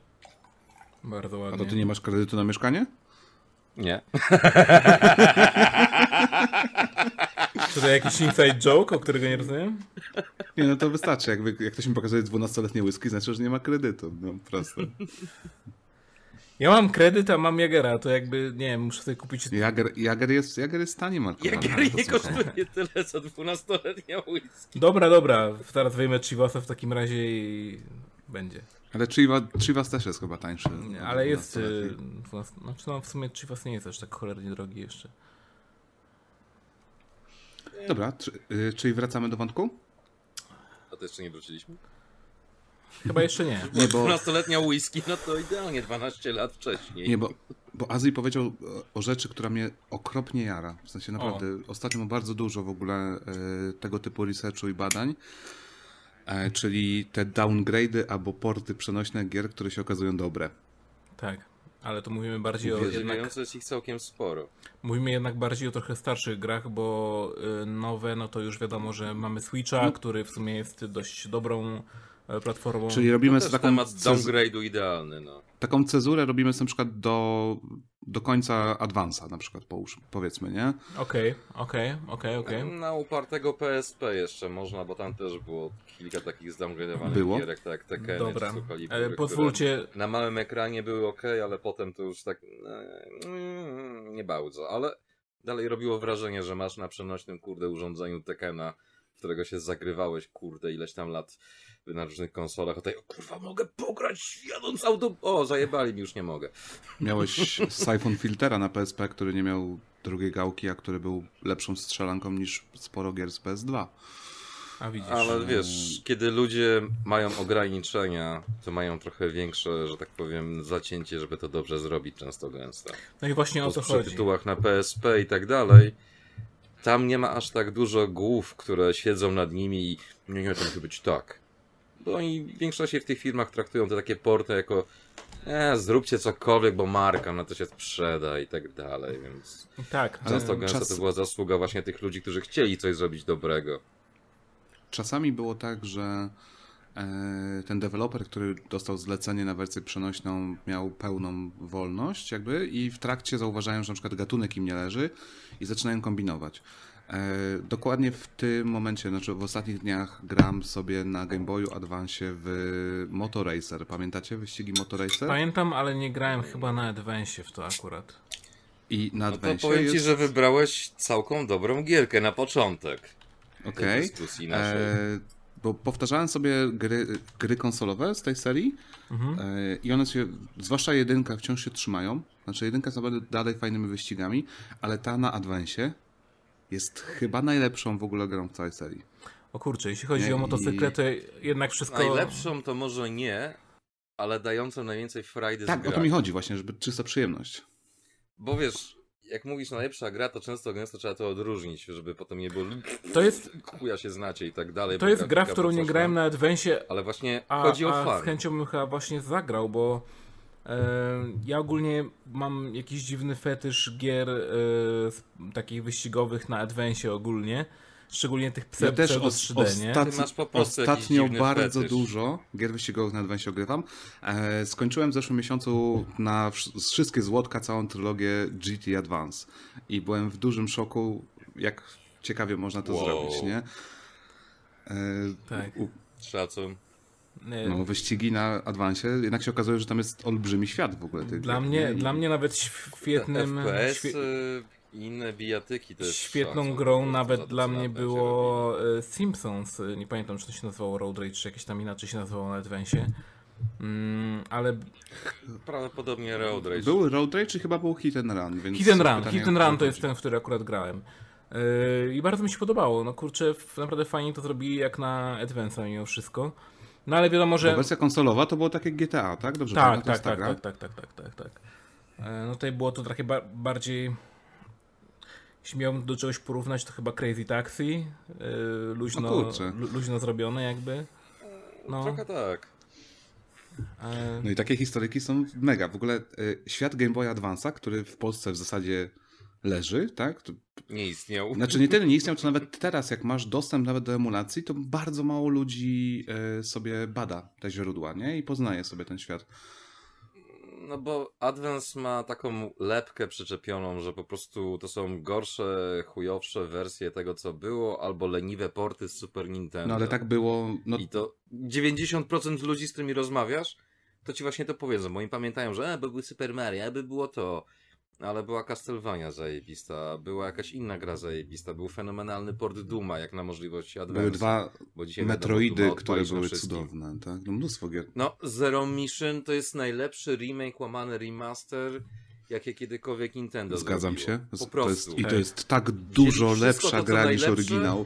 Wyjebali to, co było chujowe i jeszcze dodali całą masę kontentu, który może nie jest zajebisty, ale kurde, no, był. Widać, że chcieli zrobić nową grę, ale no mimo wszystko musiała być to oryginalna fabuła, bla bla bla, ale dodali tak, że to w żaden sposób nie wpływa na to, jak grasz. Albo we, Nic, to jest tylko fajny dodatek. Weźcie, bo ta, ta historia wydaje mi się, że zaczyna się wraz z y, Game Boyem zwykłym czarno-białym Mhm. i tą grą, e, nie pamiętam roku, chyba 94 chce mi się powiedzieć, e, ale może jestem w błędzie, Donkey Kong. Pamiętacie wersję z Game Boya Donkey Konga? tak. Ale tobie chodzi o Donkey Kong Country, Nie. czy o Donkey Don- Kong? O Donkey Kong.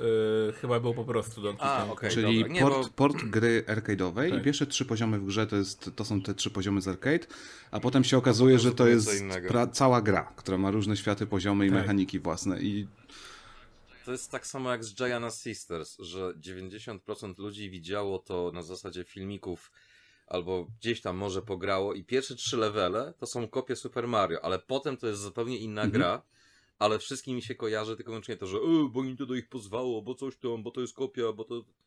Nie, kurwa, to tak nie działa. Jak dosłownie pogadasz z tymi ludźmi, oni jeszcze żyją, to się da zrobić, można z nimi pogadać.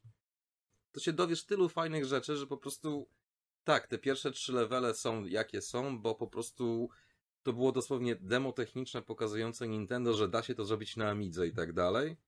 A jak Nintendo powiedziało pierdolcie się, no to szybki resłap kurde sprite'ów i chuj, jedziemy dalej, no bo, bo mamy już silnik, który działa. No to czemu by z niego nie skorzystać? Mhm. Wydaje mi się, że, a secy w tamtych czasach to wiesz. wydaje mi się, że ogólnie na, na Game Boyach i na Game Boy Advance y, jest bardzo dużo takich mm, klasyków, które są troszkę zapomniane już kompletnie przez graczy ogólnie, tak?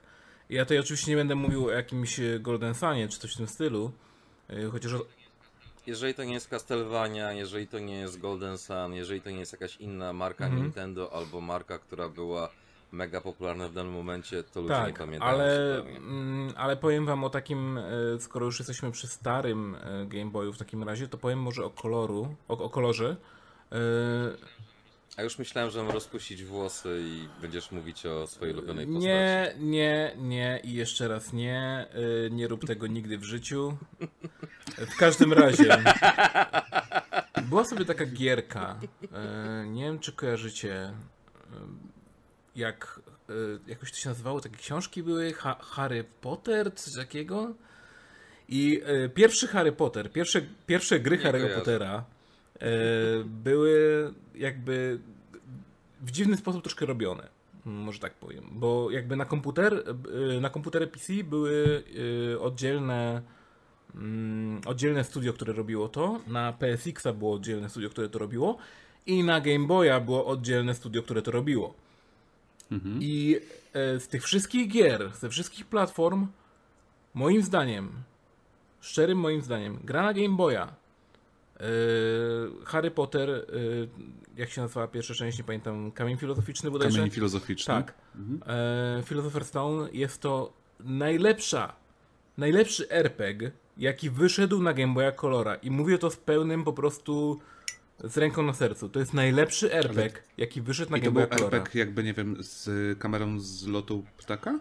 Coś takiego? E, znaczy, no generalnie, jeśli chodzisz po overworldzie, powiedzmy takim, no to tak, tak, tak. To jest taki e, rzut e, z góry, tak? Nie jest to izometryczny rzut, jest to taki rzut powiedzmy z góry pod kątem, tak? Więc ściany widzisz, o, w ten sposób. Bo ja grałem y, w Dobrze, pierwszy... że Adam jest, nie będę musiał tych wszystkich filmików wrzucać. Aha, bo ja jestem zamiast filmików. Tak. A ja, bokiem nawet siedzę do tej kamery. Muszę pamiętać, żeby patrzeć czasami w stronę słuchacza. E, widza, przepraszam. E, nie grałem wersję na... Spokojnie, tego nikt nie ogląda.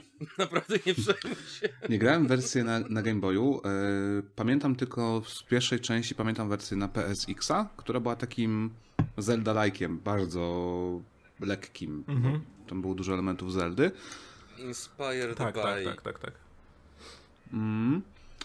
Eee, jak mówisz, że jest RPG na Game Boyu, to już jestem podjarany. I Już mam ochotę zrobić wiesz, wielki research i pograć sobie. Teraz, teraz gram. Emuro, Tak, dot Teraz, teraz gram w trzy wersje tej samej gry jednocześnie. O kurczę. Bo y, wyszło. Ja chciałem do recenzji Dextrema, ale y, że Roger jest na Gamescomie, to ciężko się z nim skontaktować. E, więc kupiłem sobie na PlayStation 5 Pac-Man World Repack, czyli remake Pac-Mana Worlda e, z PSX-a. Że, bo To mamy World Exclusive teraz. tak, pre- no, zanim to nie, się ukaże. Nie, nie. Pre, premiera była chyba przedwczoraj, w piątek albo coś takiego. Więc ja mam normalnie kupioną pudełkową wersję. Eee, I zobaczyłem przy pierwszym poziomie, że coś mi tam nie gra, że jakby dużo rzeczy pozmieniali, więc jednocześnie odpaliłem sobie na emulatorze, e, jadąc pociągiem teraz e, t, kilka godzin temu, odpaliłem sobie wersję oryginalną z PSX-a, ale zachęcony tym, że zobaczyłem, że jest też wersja na Game Boy Advance'a, no to też uruchomiłem wersję z Game Boy Advance'a i się okazuje, że każda z tych trzech gier ma takie same poziomy, tylko są te pewne drobinki pozmieniane, tak? Więc gram najpierw tu, potem tam i potem tam. Trzy razy każdy poziom. Potem masz mindfuck, że co ja robiłem. Przecież było. A, bo to w tej wersji. A może w te... Nie, uwielbiam te, uwielbiam te w ogóle takie eksploracje i badania, nie? Czyli przechodziłem sobie na wakacje trylogię Spyro na Game Boy Advance. E, jak zrobić trójwymiarowy kolektaton na sprzęcie, który nie ogarniał trójwymiaru, tak? I oni tam pos- postawili na izometryczną kamerę, no i nawet w jednej części to działa rzeczywiście. W sensie, że ta gra jest po prostu dobra. Nie pamiętam jak się nazywają te gierki, co oni robili, takie pseudo-crossovery, że Crash Cross, Najgorsze, to jest, to jest i jedno tak z największych główien, jakie istnieje na Game Boyu. To jest tak e, Spyro e, Orange i Crash Bandicoot Purple, a w Europie to obie się nazywają Jakoś Fusion. tak dziwnie to było. Tak. Właśnie o to chodzi, że to jakieś tak dziwnie było, że to są te same gry, ale się inaczej nazywają i tak what the Takie fuck. zbiórki minigierek. Dość słabych. No, w skrócie tak. Mhm. Ale na przykład Banjo-Kazooie na, Na tego Advance'ie z izometryczną kamerą, zajebisty. tak. Banjo Kazooie. Ja myślałem, że to się nie sprawdzi zupełnie, ale to było To perfekcyjne. się okazuje, że można. i Game Boy pokazuje, że Inna sprawa, że lubię Banjo Kazooie. ale No tak to jest stare RR, to, To myślę, bardzo że dobrze, bardzo że lubisz. Osób, y, lubi akurat i wspomina z utęsknieniem troszkę ich gry, nie? Mm, To są takie jednak klasyki. I teraz wyciągam banjo i napierdalam. tak. Dobra, jednak nie lubię Xbox. banjo, tak? włączasz Xboxa, włączasz Xboxa, Darek, i instalujesz Sea of Thieves, żeby zagrać we współczesne RR. Wow. Błagam, nie mówmy E, o Sea of Wystarczy Thieves. mi Nuts and Bolts, y, wszystkie gry na Kinecta i co mi tam... Viva Collection. Piñata. Czy w, tym, w tym podcaście już było mówione Weź mnie nie przypominaj z tym no. w tym, w tym podcaście już było mówione o y, Sea of Thieves i dlaczego nienawidzę Sea of Thieves, mimo że y, testowałem Sea of Thieves. Mm, ale tak. y, I dlatego między innymi tak, nienawidzi. Tak, no. tak, no.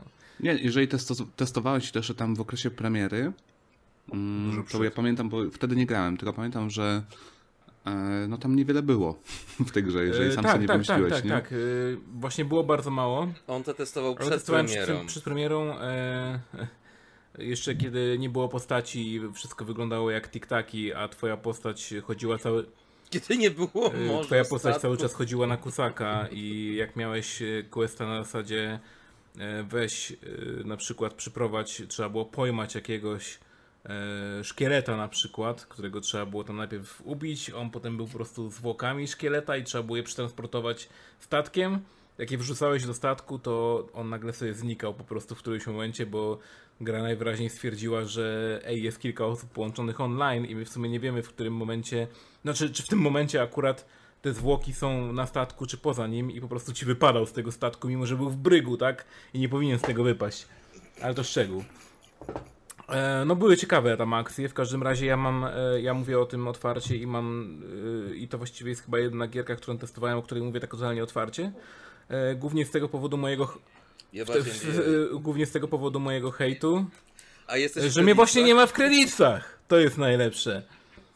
E, Ale patrzyłeś we wszystkie z trzech kolumn, tak? Sprawdzałeś na pewno? Tak, tak, sprawdzałem. E, w każdym razie nie, nie ma mnie, jest dużo moich znajomych. Jest dużo moich znajomych, którzy byli na przykład na jednej godzinie testowania gry i są. A mnie nie ma. A ja testowałem tą grę zanim ona jeszcze w ogóle wyglądała jak gra i była na Unity, nie?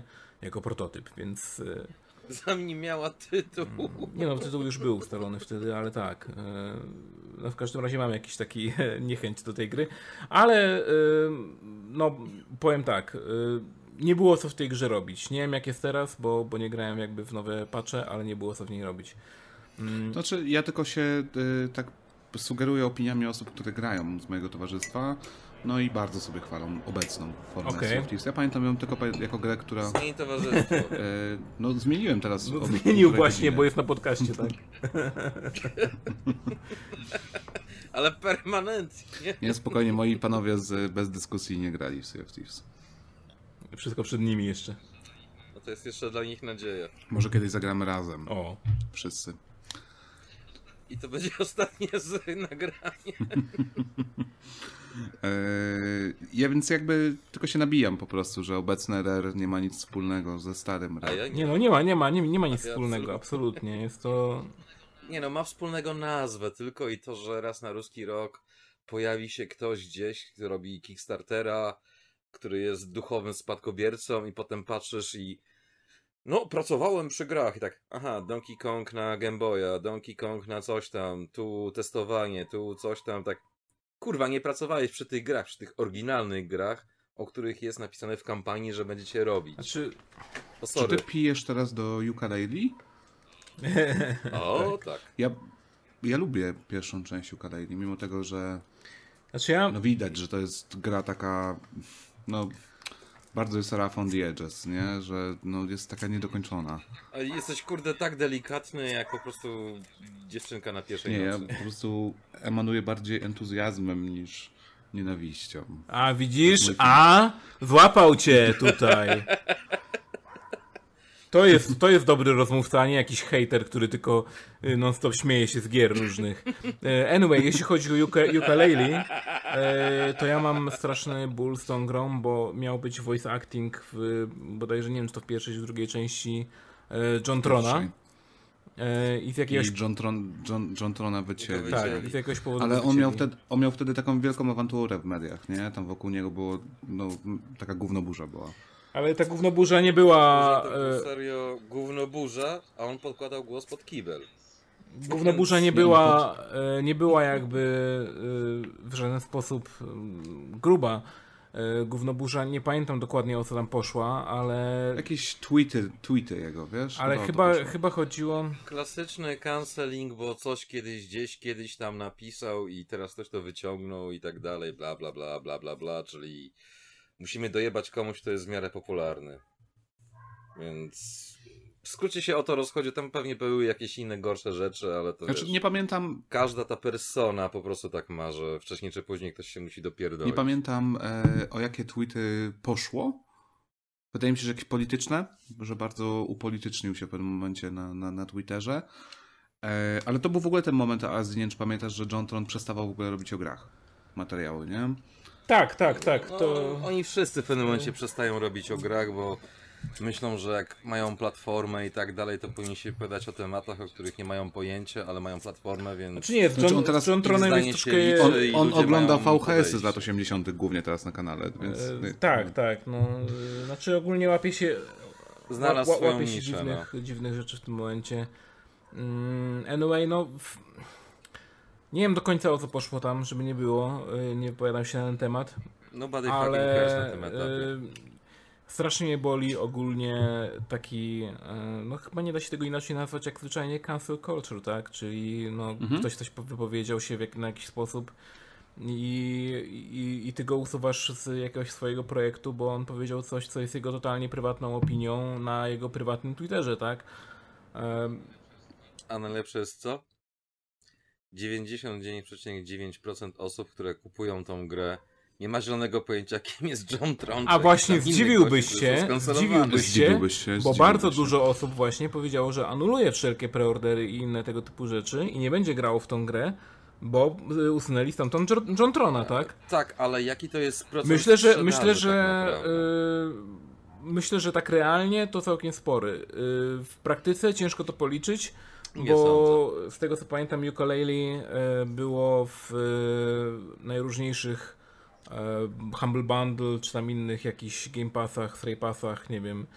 W związku z tym, no ciężko to policzyć tak naprawdę, jak to faktycznie był procent sprzedaży, ale wydaje mi się, że całkiem spory.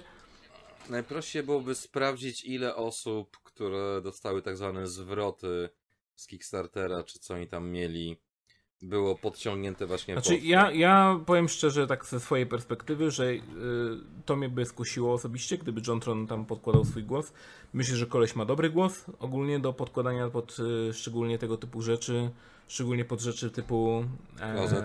e, Toj, toj. typu jakieś właśnie gierki teoretycznie dla dzieci, tak? Więc e, Znaczy, wiesz co jest najbardziej zabawne? no. Że w tej grze wszystkie postacie robią I on, on właśnie chciałem dodać, jego głos miał być... Dosłownie. No. Ale Azji, jeżeli jakby jedynka, bo są tam jakieś Mhm. wydarzenia, no to, to nie za bardzo, to ja bym bardzo się zachęcał i tak do tej drugiej części. Okej, mówisz, że jest lepsza, tak? Im, im, Impossible po Lair, które jest Mhm. y, platformówką 2D i w 100% ma mechaniki z Donkey Kong Country, jeżeli... To jest Donkey Kong we wszystkim poza postacią i Znaczy, wyglądem dobra, nie, I mam Nie, ale jest- myśli jest- grafikę, nie mechanikę. Jest konsolka ten, tam, ten motyw, że każdy poziom ma dwie, dwa wcielenia, nie? Że dwie wersje poziomów. Super, bardzo fajny Tak, i to jest pomysł. No. niepopularna Jeden opinia. Jedyna wada to jest to, że musisz to odblokować, jakiś tam głupi Absolutnie niepopularna No. opinia. Nie lubię Donkey Kong Country. Po prostu nie podchodzi mi. I w tym momencie żegnamy z Azji. Teraz, I teraz ja się podcast. też żegnam z Azim, czyli mamy teraz w drugą stronę. Jesteśmy Widzisz. jeden jeden za tego rezydenta. No, nie, ale Po autentycznie, prostu- naprawdę. Ten odcinek to będzie cancel Nie, out. żeby nie było. To, to jest okej gra, po prostu, ale jakby mi nie podchodzi. Po prostu zwyczajnie to nie jest gra dla mnie. Ja nie oceniam jej pod względem takim, że ona jest po prostu chujowa, bo nie jest. Po prostu, szczególnie doceniam jakby grafikę, która tam była, ale no inna sprawa. Po prostu zwyczajnie gameplay, jakby flow tej gry mi trochę nie podchodzi. Troszkę tak jak klasyczne Soniki, które też mi nie podchodziły. Nie lubię zasadniczo takich e, side-scrollerów, w których e, nie do końca widzisz, co masz przed sobą. Ja bym tak określił. Odpal to na panoramie, a nie na 4 na 3 No ja to odpalałem na y, SNESie, więc jakby ciężko powiedzieć w sumie, czy to było dobrze, czy źle w takim Jest- razie, tak? Jest to rozwiązanie dla...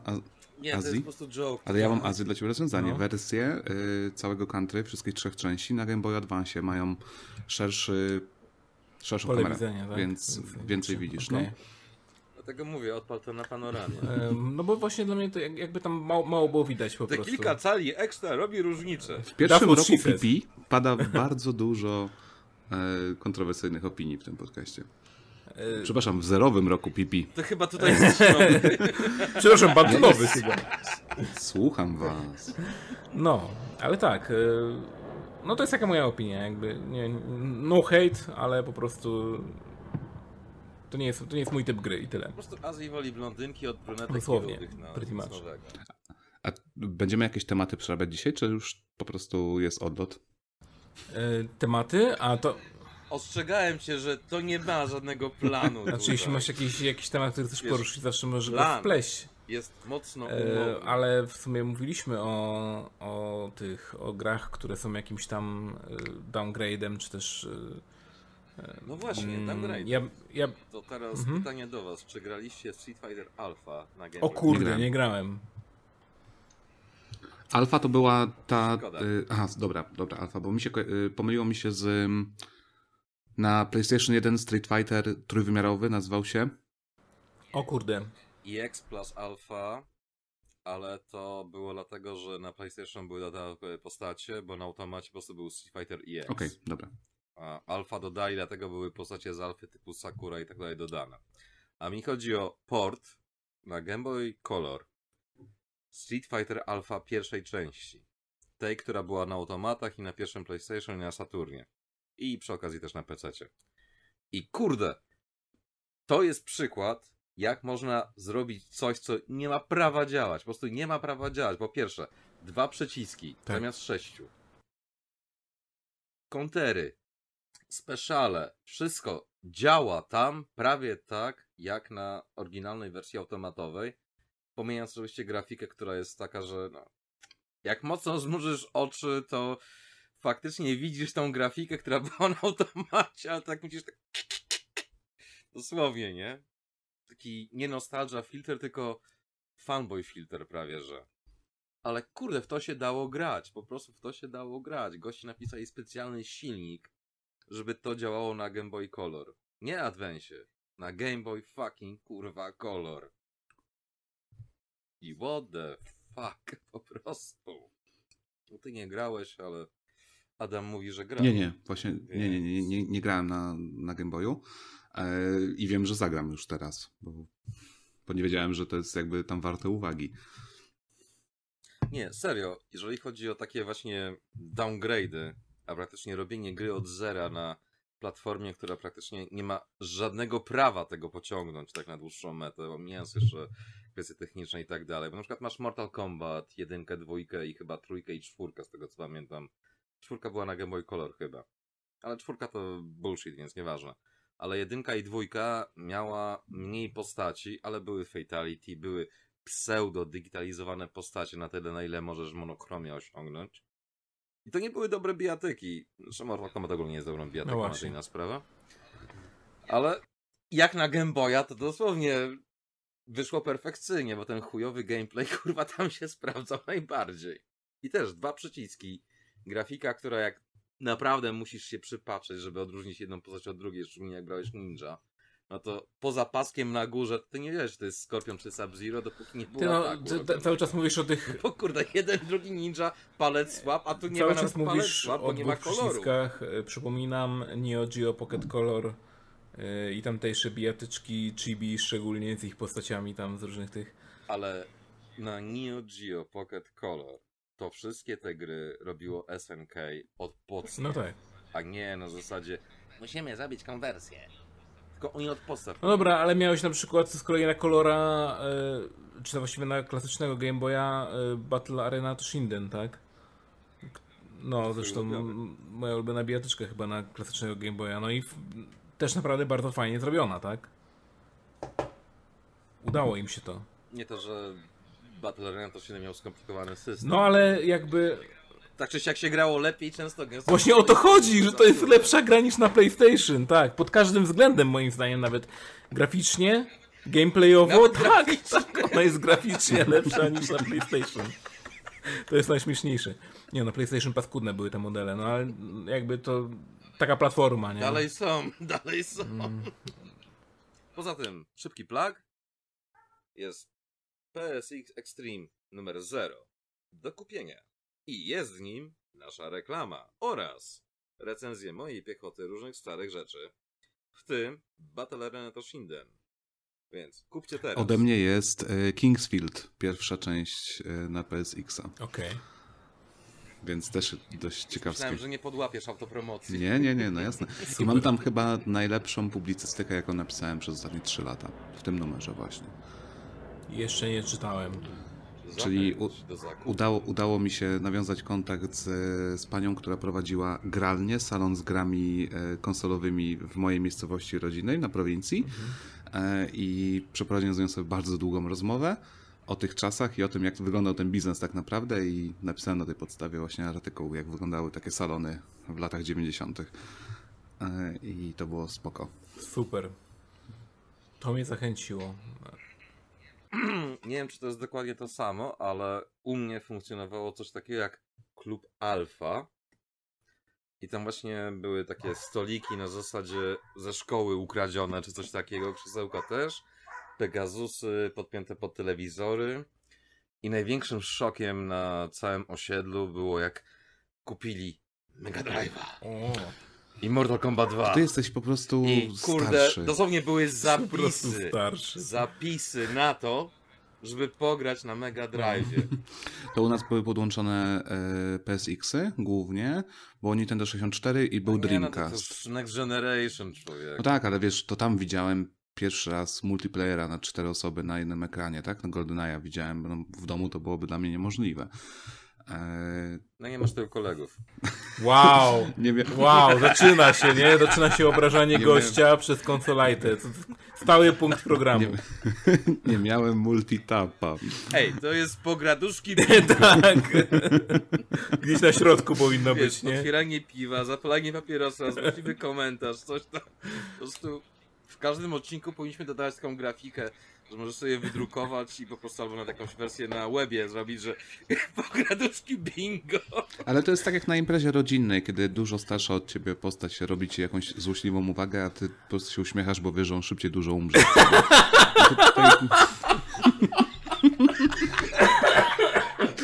Zepsułeś z niego. To jest dobre, to jest dobre, lubię to. Zepsułeś się z niego po prostu. Już się poddał. No ale tak jest, no. Kurwa, to będzie zajebisty podcast, naprawdę. No. W tym roku chyba najlepszy. oj, bardzo mi miło. Już jebać pograduszki kontra, kurde, bez dyskusji, po prostu hate versus... Hatecast the continuing. O Boże. Jeśli chodzi o takie slogany, to Ale my się tylko droczymy. jeśli chodzi o takie slogany, to mi się strasznie przypomina y, jak był kiedyś ta, ta, ta akcja taka była, chyba stadionowa zresztą, y, Say No to Racism, tak? Y, I, I kumpel to przeczytał i patrzy na to i jest napisane say, say i dalej jest ten slogan, więc on mówi a, no to rasizm. I to się przyjęło jako takie hasło u nas, nie? No to rasizm, no. No bo Tak, ale tutaj taki disclaimer, że my się właśnie z konsolką e, chyba bardzo lubimy, jakby na tyle, na ile się znamy, no bo się znamy... no, biorąc pod uwagę resztę redakcji, to chyba najbardziej. Ja, ja mam dobry kontakt jakby z ludźmi z Extrema i e, nie miałem żadnego konfliktu chyba nigdy. Ja też nie mam. Oni bardzo szybko uciekają. No oni są jeszcze starsi od ciebie, nie? Nie, są w swoim wieku, to wszystko... nie, nie, nie, nie, nie, nie. A. Roger, y, Roger z którego rocznika jest? Już tak Roger jest sobie. y, starszy ode mnie kilka lat, to mi się wydaje, że pod konsolkę właśnie. 8-9, Mhm. 8-6, jakoś tak. Nie wiem, to młodszy dużo od konsolki. No. To pomiędzy... Chociaż biorąc pod uwagę jak wygląda, to Roger wygląda tak samo od 10 lat. No nie, jak ostatnio żeśmy nagrywali te materiały do dokumentu i tak dalej, tak go zobaczyłem, to pierwsza rzecz, która mi wyszła z ust od razu. O, widzę, że znalazłeś kilogramy, które zgubiłem. I teraz mam nadzieję, że tego posłucha. Niech wie, jak się czuje człowiek. Jak przyjechałem na tę imprezę 5 lat temu, pierwsze co powiedział Roger, jak mnie zobaczył, to powiedział, że przytyłem. Niech ma teraz, kurwa. Wiesz co, z jego ust tego typu komentarze, to tak wiesz, Ale on był Jak- wtedy jeszcze w czasach... dosłownie e, jedna gruba baba przychodzi do drugiej i no, Krystynka chyba żeś przybrała. Plum, plum, Ale plum. on był wtedy jeszcze w czasach BB, czyli Before Brzuch. E, nie, nie, Before nie. brzuch. Nie, był wtedy szczupły, a on miał gorset. Mamy kilka timeline'ów tutaj jakichś opracowanych już.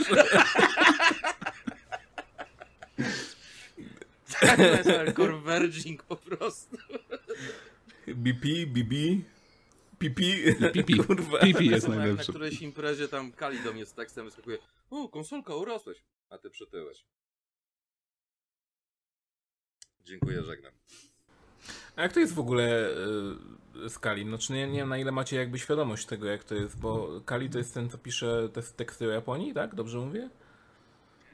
E, Mazi, przepraszam. Mazi, Mazi. Kali to ten, który jest fanem wszystkiego, ale ma zerową wiedzę na ten temat i teraz jakby ktoś się zdziwił, to tak, jestem złośliwym skurwysynem. Ale będąc fanem gier Capcomu, będąc fanem postaci z gier Capcomu, jak można napisać, że Morrigan to czarownica? Jezus, serio konsolka. Lory bijatyk, nie? No nie? Normalny świat, Ej. lory bijatyk. Dokładnie tak to wygląda. Ale kurde, czy za przeproszeniem on robi z siebie guru, jakiś tam kurde wszystkich właśnie tajników i tak dalej, bijatek? Nikt Nie, z siebie nie, nie, Kali- robi Tak, guru, nie. tylko ty robisz Kali- z siebie guru, bo masz wiedzę na ten temat po prostu. Kali, Kali był gościem e, przede wszystkim od wyścigów. E, I Nie, od nie, no czy to się stało jakby w czasie, że był też związany z bijatykami, ale dla mnie Kali to jest osoba na przykład od Wipeouta. I tutaj wydaje mi się, że Wipeout Ridge Racer to był jego świat. Na tym miał naprawdę no, wiedzę. techno i tak dalej. No, No, cała ta właśnie ta, taka subkultura, nie? Która, która w tych latach 90. tak właśnie górowała i e, jak pisałem tekst o Wipeoutie, to od razu napisałem do Kaliego, czy nie będzie chciał się dołożyć. A do mnie od Life się nie odezwałeś, tych chuj. No nie pomyślałem o tym, sorry. Najlepsze stwierdzenie, pomyślałem. Nie, wiesz jak to jest, czasami piszesz tekst 3-4 dni i po prostu jesteś jakby w zonie i... A mogłem to zrobić, bo miałbym... Powiem w ten sposób. Jakbym do ciebie napisał, żebyś napisał jedną tłumaczyć. sprawę, jedną, jedną chociaż stronę, wiem, to to miałbym działa. dużo mniej pisania, nie? Więc to byłoby nawet mi na rękę, żeby do ciebie napisać. Ale to są te momenty, o których sobie przypominasz w momencie, kiedy już wszystko zrobiłeś, tak kurwa, mogłem to dosłownie... Mo- mogłem sobie, mogłem A, sobie skrócić robotę o kilka godzin, tak? No, w skrócie No. tak. Ale to klasyka, to jest na tej samej zasadzie jak, nie wiem, trzy grosze, albo jakieś tam, nie wiem, teksty z gatunku, a, bo ktoś tam wziął, ale nie napisał, zawalił, Ty mi bla, bla, napisałeś bla, trzy grosze do mojej nie? recenzji w zerowym e, do Pandemonium, nie? I nawet o tym nie, Nie wiedziałem o wiedziałeś. tym. Zobaczyłem dopiero jak dostałem numer. Ale dostałeś czy kupiłeś? E, kupiłem dwa egzemplarze. A, widzisz, bo to jest kolosalna różnica. A no jeżeli chcesz to takie kontrowersyjne opinie, tak, powinniśmy dostać te numery, no. Okej. No cóż. Jestem nauczycielem, jestem nauczycielem w Polsce, stać mnie. Wow! Wow! On to powiedział. Przepraszam, przerwa! Cięcie, cięcie, cięcie. Konsolajte umarł. Nie, no, to jest kurwa cytat odcinka, cytat roku. 7 tysięcy netto, nie słyszeliście? Halo. Co? Gdzie? Na, na którym DVP tak pisali? E, nie, to minister powiedział, wiceminister A. oświaty, e, że nauczyciele zarabiają 7 tysięcy netto. Powiem To ci, jest no. taki in, inside fact, nie zarabiają nawet połowy tego. No właśnie, jakby. No. Wiesz, to na tej samej zasadzie, jak były te wszystkie zdjęcia czy coś tam, że poszli do sklepów robić zakupy i pozmieniali ceny na półkach. Tak. Albo te zeznania wartościowe i tak dalej, deklaracje, że willa tyle, tyle warta. Ja bardzo chętnie za tyle kupię. No Naprawdę. nie? Trzy. Choćby tylko i wyłącznie, żeby zrobić tam pijacką imprezę, którą będą wszyscy żygać na lewo i prawo. Jedyne co zostanie z tego lokalu to po prostu zburzenie, nic poza tym. Ja za tyle Normalnie kupię, idziesz, idziesz do posła i mówisz warte. mu. Ty. Kurwa, tak drogo? Biorę trzy. Dokładnie tak, no. Dokładnie tak. No a tymczasem my sobie Ale klepiemy wiesz, jak już jesteśmy przy temacie finansowych, to równie dobrze możemy powiedzieć o tych kurwa kokosach, które z Extrema dorastajemy. Wow! Nie no, nie chcecie chyba, dżentelmeni nie, nie gadają o pieniądzach, czy jakoś tak było kiedyś, nie? Takie powiedzenie. No nie możemy mówić o pieniądzach, bo tam nie ma pieniędzy. Wiesz co, jeżeli... Ja nie wiem, czy wy y, wrzucacie tą część do, do podcastu tej rozmowy, czy nie, ale Y, To możemy wyciąć. Wszystko wrzucamy. nikt, kto pisze o grach w Polsce, pisze jako krytyk, dziennikarz, newsman, chyba się nie spodziewa, że będzie dobrze zarabiał. Jakby w tych czasach nie. Od momentu internetu, czyli praktycznie lat 90., wirtualnej Polski, Onetu i tak dalej, wszystkie stawki poszły totalnie w dół. Mhm. Do tego stopnia, że to jest w najlepszym wypadku hobby. Na tej zasadzie, jak na przykład ja dostaję modele czy jakieś tam inne rzeczy za jakieś grafiki, które robię w ramach bonusu. To jest bonus. to jest Bo jak przeliczysz sobie ilość pracy, ilość czasu na to, co potem dostajesz, jeżeli dostajesz, wink wink łapusz, wink wink, to po prostu skórka za wyprawkę nawet tego nie podsumowuje. Wiesz co, i jeszcze dochodzi ten wątek, ja to chyba pisałem, no w 302 numerze Extrema będzie, Jest! będzie, będzie mój felieton właśnie na ten temat, bo tam było takie pytanie, czy recenzent kończy gry i dlaczego często nie kończy. Jakby, no bo jest takie tabu w Polsce, że niby recenzent musi tą grę skończyć. Kto tak kurwa prawda. powiedział, to po pierwsze, a No po drugie czasami jest Fanboye. tak, że nie dość, że no, w zasadzie robisz to z pasji i robisz to po to, żeby dostać grę za darmo, żeby nie kupować, to ty tą grę znienawidzisz w trakcie pisania tego tekstu. Zresztą Azji tutaj by się na pewno mógł powiedzieć, jeżeli testujesz gry, no to, to możesz ją znienawidzić jeszcze przed premierą nawet. Znaczy ja... Otwierasz puszkę Pandory. Nie, właśnie raz, że otwierasz pus- puszkę Pandory, dwa, że mam e, osobiście bardzo e, dziwne podejście i jestem trochę sadomasochistą, jeśli chodzi o granie w gry. I im dłużej ją testuję, tym bardziej ją zaczynam lubić. Więc Okej. to jest taki sy- syndrom sztokholmski Czyli się odpala. Jak się nazywa ten syndrom porwania Syndrom i tak sztokholmski. dalej? Sztokholmski ponoć nie istnieje tak No naprawdę. właśnie. E, Dla mnie w każdym razie istnieje. Nie chciałem powiedzieć złej nazwy, żeby nie było, więc stwierdziłem, że zapytam, bo Ale wiesz tak. jak to jest. Pamiętasz, ale w którym kościele ja, brzmiało? ja no? osobiście mam coś takiego y, i zawsze jak właśnie testowałem jakieś gry z takich gier, które testowałem, które już są jakby oficjalnie, więc są, jestem w kredytach i tak dalej, więc mogę o tym powiedzieć. To na przykład Minecraft Dungeons, y, którego absolutnie nienawidziłem i kiedy testowałem to, to powiedziałem, że to jest chyba najgorszy projekt, na jaki kiedykolwiek w życiu trafiłem. E, Potem się okazało, że projekt raz, że był bardzo fajny, bo byli bardzo fajni ludzie i wszystkich serdecznie pozdrawiam. E, Wiem, że niektórzy też, też słuchają tego podcastu. E, To dwa, e, no naprawdę, naprawdę gra w pewnym momencie po prostu urosła na mnie. I jak na samym początku żartowałem, że to jest lepszy Diablo do naszego Lida, który na to bardzo... Nie, nie, że Baby's, Baby First, First Diablo ja mówiłem, ale, ale jemu mówiłem, że to jest lepsze niż Diablo, żeby go specjalnie trochę podkurwić, e, co bardzo dobrze działało.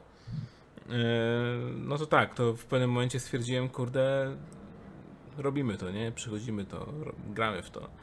E, I skończyło się tak, że chyba jestem jedną z pierwszych osób na, na świecie, która e, zrobiła platynę w tej grze, tak? Już sam dla siebie, już poza zobowiązaniem. jak Tak. miałeś zdziwienie w firmie, jaką ocenę wystawiłem tam, że to Tak! wysoko. Tak, twoja ocena. Znaczy w ogóle nie gadajmy może o, o, o twojej recenzji tej gry, bo to jest dłuższa historia i e, trochę sła, Oj tam, oj tam, ja nie mam trochę, trochę oporów, słabo świadcząca o PSX Extreme ogólnie, nie? Konsolka miałeś recenzję... Ej, co mi zrobią? Zwolnią mnie? Miałeś, re, miałeś recenzję 1.3? Jedna trzecia? Nie, dwie strony. Dwie strony było. No. Dungeons. Okładka była. Ta okładka Okej, no była, nie- no. Jeżeli, jeżeli miał dwie strony i napisał słabą recenzję, no to... Znaczy, to nie jest tak, że napisał sobą recenzję, on ją napisał na, opo- na podstawie bety bodajże wtedy?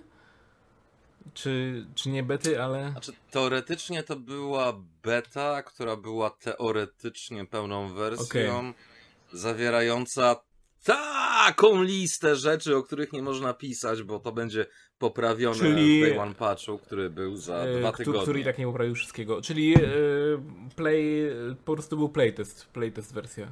Okej. E, Znaczy, to był beta review. w najlepszym wypadku.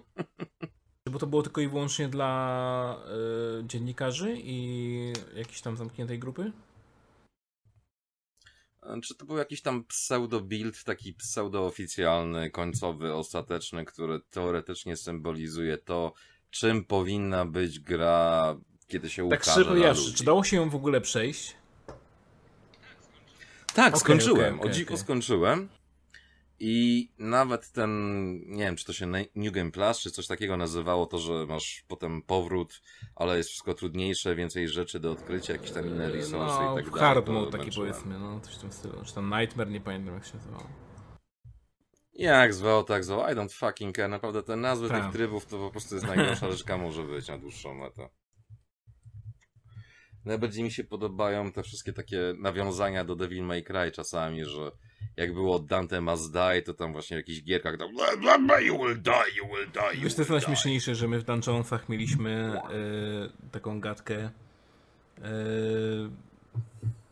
typu, wiesz, no kurde, to będzie totalnie proceduralnie gener- generowane i tak dalej i w ogóle wszystko będzie e, zawsze oryginalne, za każdym razem jak wchodzisz do gry będzie co innego. Tymczasem my, testerzy, nie, Nie będzie. wchodząc do gry, od razu, dobra, tu, tu, tu, robisz to, to, to, to, to, wiesz, wszystko w ogóle tam te pseudo zagadki, które były i wszystko to jakby zawsze i tak to było w tym samych Zagadki miejscach. na zasadzie pociągnij dźwignię, wciśnij przycisk. E, nie, nie, nie, nie, Albo nie. stań były, tutaj, były albo tam. te takie sekretne y, ścieżki, w których były takie dungeony, w których miałeś e, zagadki, zagadki, typu przesuń na przykład bloczek redstone'a w odpowiednie miejsce, żeby się połączyło coś tam, tak? Eee, Tak, tak. I to było na zasadzie przypadkiem to zrobisz, o fajnie. Zjebiesz, Autentycznie było tak, że e, te zagadki, tak przez myślę 75% testerów, e, były e, zawsze zaliczane totalnym przypadkiem, nie? Tak, myślę, że Ale ta gra to cały czas praktycznie rzecz biorąc Myślę- działa na zasadzie myślę totalnego przypadku. 20% y, musiało kombinować, bo coś się po prostu wcisnęło, a 5% faktycznie y, z miejsca ogarniało, jak to zrobić, nie? Faktycznie. A to tak samo jak masz te zagadki pseudomatematyczne w jakichś RPGach czy coś w tym stylu, że no jak nie skończyłeś podstawówki, to faktycznie możesz mieć problem, no. Ale, Po prostu. ale tam zagadki matematyczne. Znaczy, mnie w ogóle, y, jeśli chodzi o No, ułóż, kurde, nie wiem, cztery bloki tak, żeby tworzyły kostkę Rubika niby, nie? Na tej Tak. zasadzie. Ale masz te takie, wiesz, pasy wyżłobione, że tylko w ten sposób możesz przesunąć, nie? Czyli ile kroków potrzebujesz policzyć, żeby faktycznie zrobić to, co potrzebujesz, czyli pseudomatematyka. No tak, ale w... Witamy panowie. Cześć. Jak było? No, normalnie. To by to już powiedzieliście. Lżej Jeszcze- na Jeszcze, sercu i jeszcze powiedzieliście słuchaczom, że do kiba poszedłem. oczywiście, że nie, ale ty to potem powiedziałeś Nie, teraz. ale ty to powiedziałeś.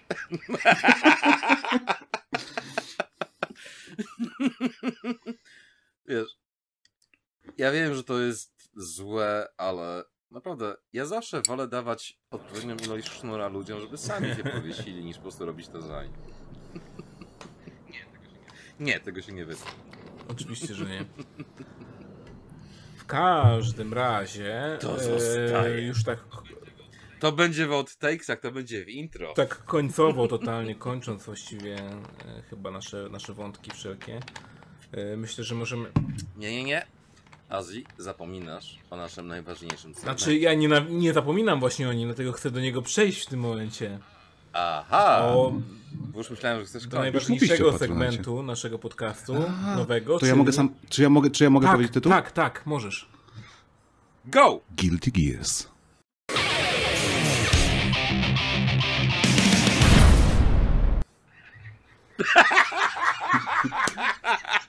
To to? Myślałem, że mam powiedzieć ten tytuł.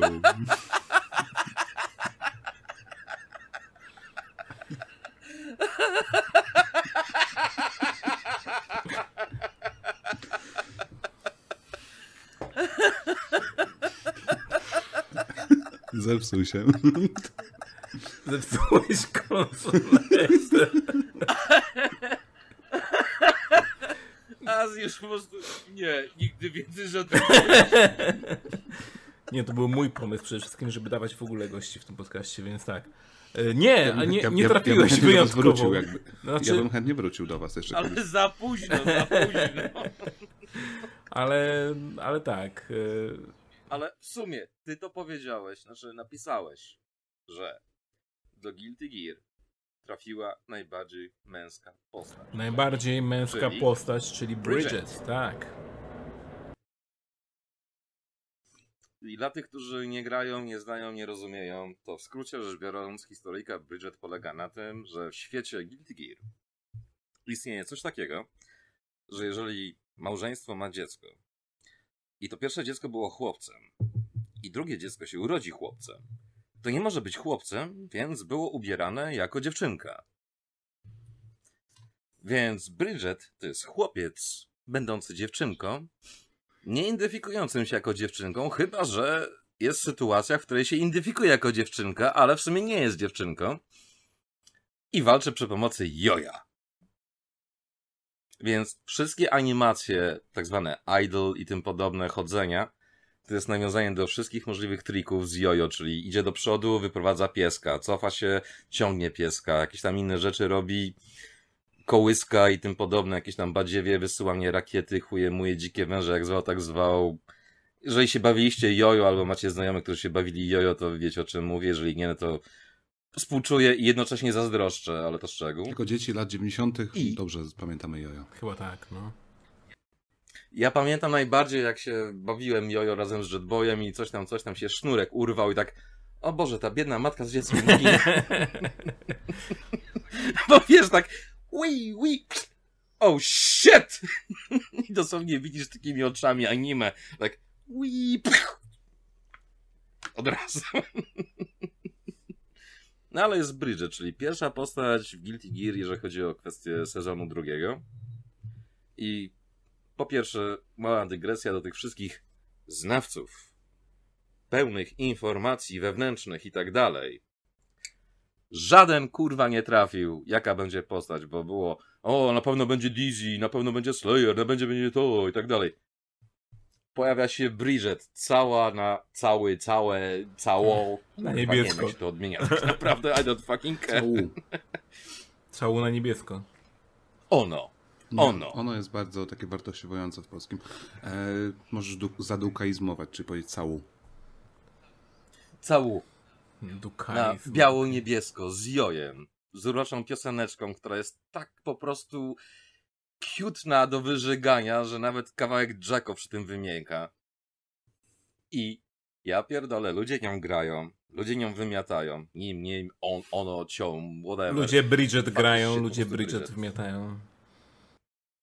Tak, i najlepsze jest oczywiście to, że ta postać zajebiście pasuje do tego systemu nowego po tych zmianach. Jest dalej uproszczona tak jak większość postaci, bo na tym polega ten system, ale Jesus fucking Christ, jeżeli w tym kierunku idą z tą serią, z tymi wszystkimi nowymi postaciami, które się będą pojawiać, Capcom, wypierdalaj ze swoim easy input, kurde, typu trójkąt Hadoken. Naskoczcie mi, kurde, po prostu. Czekam na Slayera. To Plus- jest, to jest mój e, number one charakter. To jest, ja zawsze mam tak, że na przykład jak gram, czy to w wyścigówki, na przykład, to gram zawsze samochodami, które są najgorsze. I nie próbuję przejść Yy, całą grę. Ale Slayer nie jest Póki, najgorszy. póki grasz tym najgorszym samochodem w wyścigówkach, to ona jest bardzo taka, przez to, że jest wolniejsza, to się skupiasz na wielu rzeczach. Im jest szybszy samochód, tym się to robi takie już... Nie, nie, ale nie chodzi o to, bo możesz jakby tuningować dalej ten samochód, czasem coś z nim robić, tak? Więc jakby to, to jest trochę wy- wybalansowane w pewnym sensie, ale A ty, tak samo a na ty przykład dalej ciśniesz takim, takim stokowym golfem, dalej ciśniesz jak możesz, tak? no w, w Need for Speed Most Wanted przychodzi- przyszedłem całą grę Fiatem Punto, tak? Mm, A teraz pytanie, czy przeszedłeś Most Wanted we wszystkich pięciu wersjach?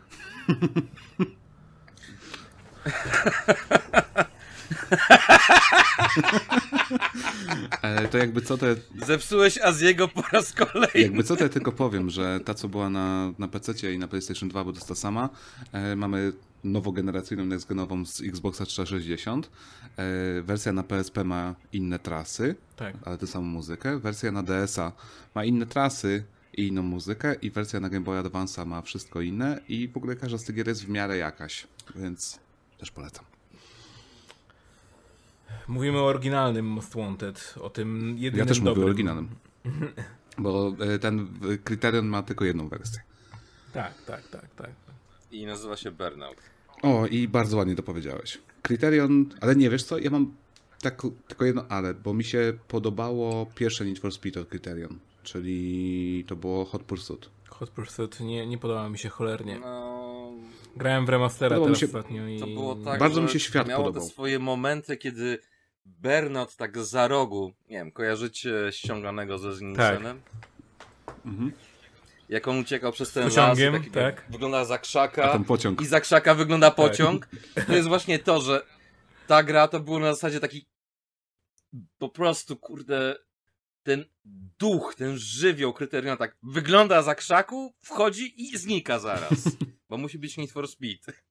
I tak mi się ta gra kojarzy. To jest takie, wiesz co, tam był taki fajny, duży świat. Ta mapa była bardzo ładna, jak na tamte czasy. E, I wiesz, i, i ta muzyka z tam 30 Second to Mars, takie super. No i to jest jedyny być. utwór, który jestem w stanie przywołać z tego, e, z tej gry. 30 Second to Mars, e, e, Edge of the World bodajże Edge kawałek. of the World. I świetnie pasowało do tej gry w ogóle. To jest jedyny kawałek, który pamiętam z tej gry. Reszta to jest po prostu umcyk umcyk, ja to nazywam, nie? No bo teraz każda muzyka w tego typu grach Tak, umcyk, i miałeś na przykład właśnie tak, przejdźmy do początku, Underground, Underground 2, całe soundtracki znam, całe soundtracki są, mają charakter, mają zajebisty charakter, Most Wanted, zajebisty charakter ma soundtrack, jest bardziej metalowy, ale jest zajebisty. Bardzo metalowy, to była Tak. taka esencja metalu początku XXI wieku. Tak, ale jest też trochę nu metalu i jest, To był heavy metal lat 80., który był pociągnięty do lat Jest też 90. trochę nu metalu. Nie, nie, nie, tam, tam, mia, tam miałeś głównie grunge'u. metalcore. tak, tak, miałeś Ej. metalcore i, i Ale nu właśnie metal. o to chodzi, no. że jak przeliczysz te kategorie muzyczne, to to, co kiedyś było uznawane za metal, czy coś takiego, to potem się staje soft, Mhm. czymś tam, coś tam potem ewoluuje i już kurde nie wiesz, jak to określać momentami, bo jest nie wiem, kojarzycie te wszystkie takie dokumenty, co robi gościu na YouTubie, tam heavy metal, coś tam, coś tam, już nie pamiętam jak się nazywa, tam history of metal i tak dalej.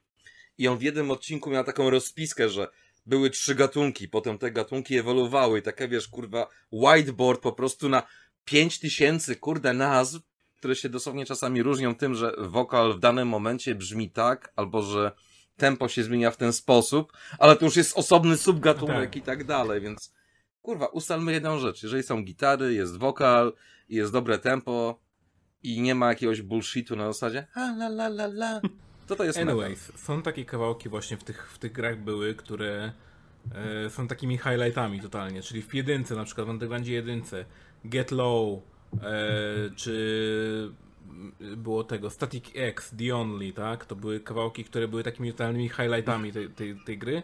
W dwójce mieliśmy Riders on the Storm i... Killing Joke tam było jeszcze. I, i, i było. te, i e, mi- Znaczy w ogóle strasznie dużo licencjonowanych Ministry, kawałków tam było Ministry takich No W. dobranych z dobrą Ministry pompą. No W było też takim moim zdaniem highlightem. W Most Wanted mieliśmy e, z kolei Avenged Seven, Avenged Sevenfold. Avenged tak, dokładnie. Bullet for My Valentine mieliśmy. E, to były takie Moje, highlighty. gi- moje gimnazjum po prostu. Tak, tak. to, to, moje twoje też, też, moje też. Gimby, gimby nie znają, bo już nie ma E, gimbów. Tak, dokładnie, nie? Moje też gimnazjum, dokładnie. E, Za moich czasów nie było gimnazjum. Żegnam. Czyli jesteś za- taki sam jak teraz. Eksperymencie Za nie Czyli jesteś taki nie było sam jak wideo. I I- tutaj jest ten moment, który ja się uśmiecham jak na imprezie rodzinnej. Wiesz, to wa wa Warszawka. Warszawka. Hawację, czy coś takiego. Warszawka, oni żyją innym, innym życiem, innym tempem kompletnie. E, W każdym razie, e, Ej, no te kilkaset wieków to trochę robi, no. wracając jeszcze do soundtracków, no to dalej na przykład mieliśmy, nie wiem, co tam mieliśmy po tym, Carbon chyba, tak? Był, był po, I na karbonie się kończy takie, te takie I na Carbonie się kończy, bo kończą. z, kar z Carbonu nie Tak, jestem bo w to stanie nic powiedzieć. Chyba część serii, gdzie były licencjowane kawałki Nie, nie, na li- nie, były zawsze- były To zawsze tak. By, licencjonowane. były licencjonowane. Po karbonie był Pro Street, nikt nie pamięta piosenek z Pro Streeta. Nie, nie, mi chodzi o tą pompę taką, że takie kremle da creme wybierali, jeżeli chodzi o Ale kawałki. zawsze w Need for Speedzie, nawet do dzisiaj, nawet ten ostatni, ten hit, wciąż ma jakby przeboje swojego momentu. To wciąż są kawałki, na które Tak, ktoś wydał dobra, kupę okej. kasy, nie? Uproszczę do niezbędnego minimum. Dla mnie te takie kremle da creme, że wybierali. Bo już potem to było na zasadzie, że to były takie Czyli kawałki z póki, gatunku... póki Need for Speed się trzymał kojarzę, roka, to ty jakby ty byłeś po jego nie stronie, tak? mnie. Jak przestał Tak. być w roku, bo mainstream odszedł od roka, odszedł w drugiej połowie e, pierwszej dekady, no to Need for Speed się rozmył trochę, tak? Bo się zrobił taki bardziej już ziomalsko-raperski. Znaczy, dubstepu też mogę słuchać. Jak A było trochę tak dubstepu, dalej. rzeczywiście był taki moment, że była taka elektroniczna ta, ta, ta ścieżka dźwiękowa. Tylko różnica polega na tym, że jest kolosalne rozbicie pomiędzy tym, co było kiedyś, a co było dobierane później.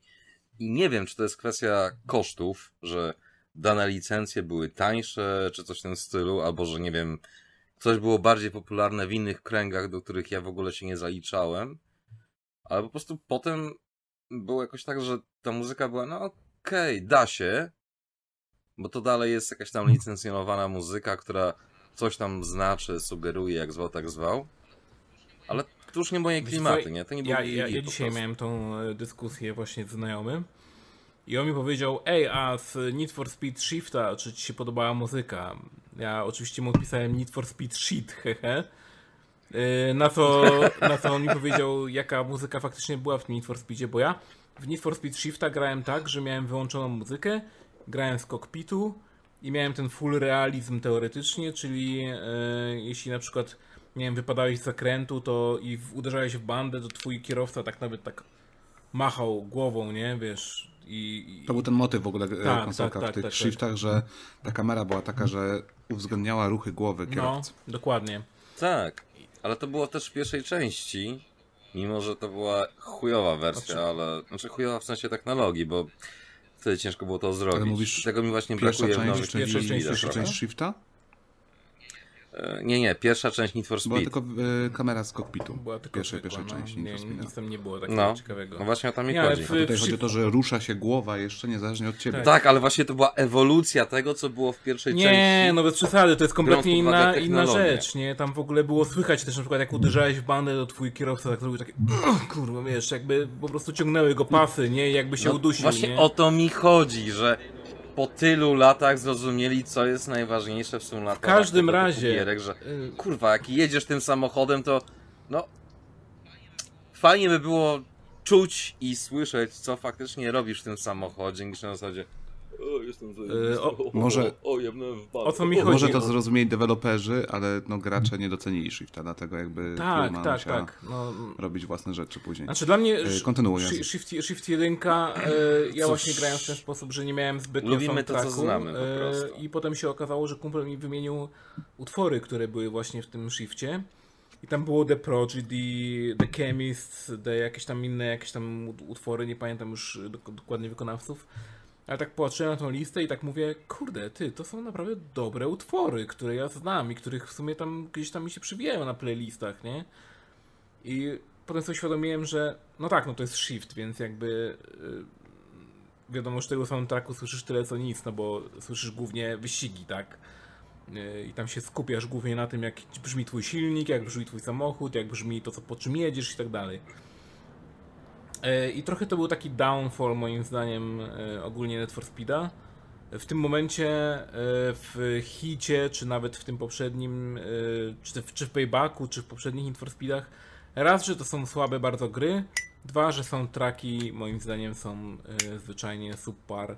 E, Może są fajne dla zoomerów, czyli dla takich, wiesz, młod- młodszych graczy, spoko, może. E, Dla mnie osobiście nie. Jeszcze młodszych od was. Tak, tak, tak. Dużo młodszych. Moi, ucznio, moi uczniowie z Two, no. twoje, twoi uczniowie, tak. Pozdrawiamy twoich uczniów, jeśli będą oglądać w takim razie. E, Jak się uśmiechniecie dobrze do nas i wpłacicie na Patronite'a, to lepsze oceny dostaniecie. Nie, wcale nikt takiego nie, No bo- nie mówiłem nigdy.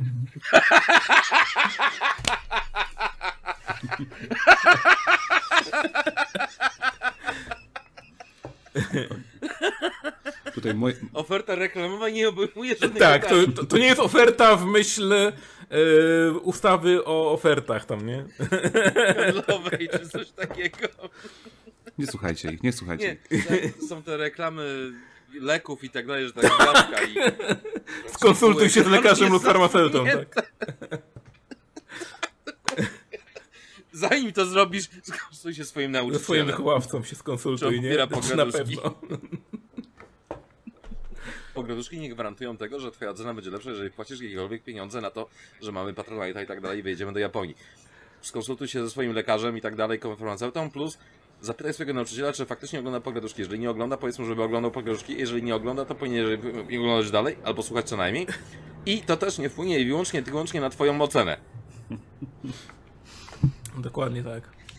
Nie wierzę, że mi się to udało zrobić. Prawie. Almost. Okej, dobra. To naprawdę będzie najlepszy podcast tego Przy roku. okazji jeden z najdłuższych, ale e, mam to gdzieś. E, kontynuujemy jeszcze, bo, bo koniecznie. No tak, bo ja będę składał. Tak, raz, że ty będziesz to składał, więc mam to w dupie po prostu, jak bardzo długi będzie ten podcast. Dwa, e, koniecznie musimy powiedzieć o PS5 i o podwyżce cen i o nie tylko tym w sumie. No to właśnie nasz ukochany segment. This Czyli... month in Stupid. Sorry, pomyliłem.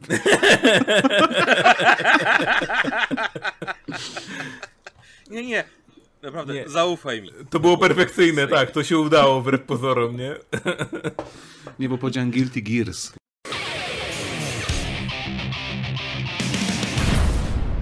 Ogóle ja mam taką tendencję, że zawsze tam daję to sy na końcu i zrobiłem błąd jeszcze. Przecież to jest Guilty Gear.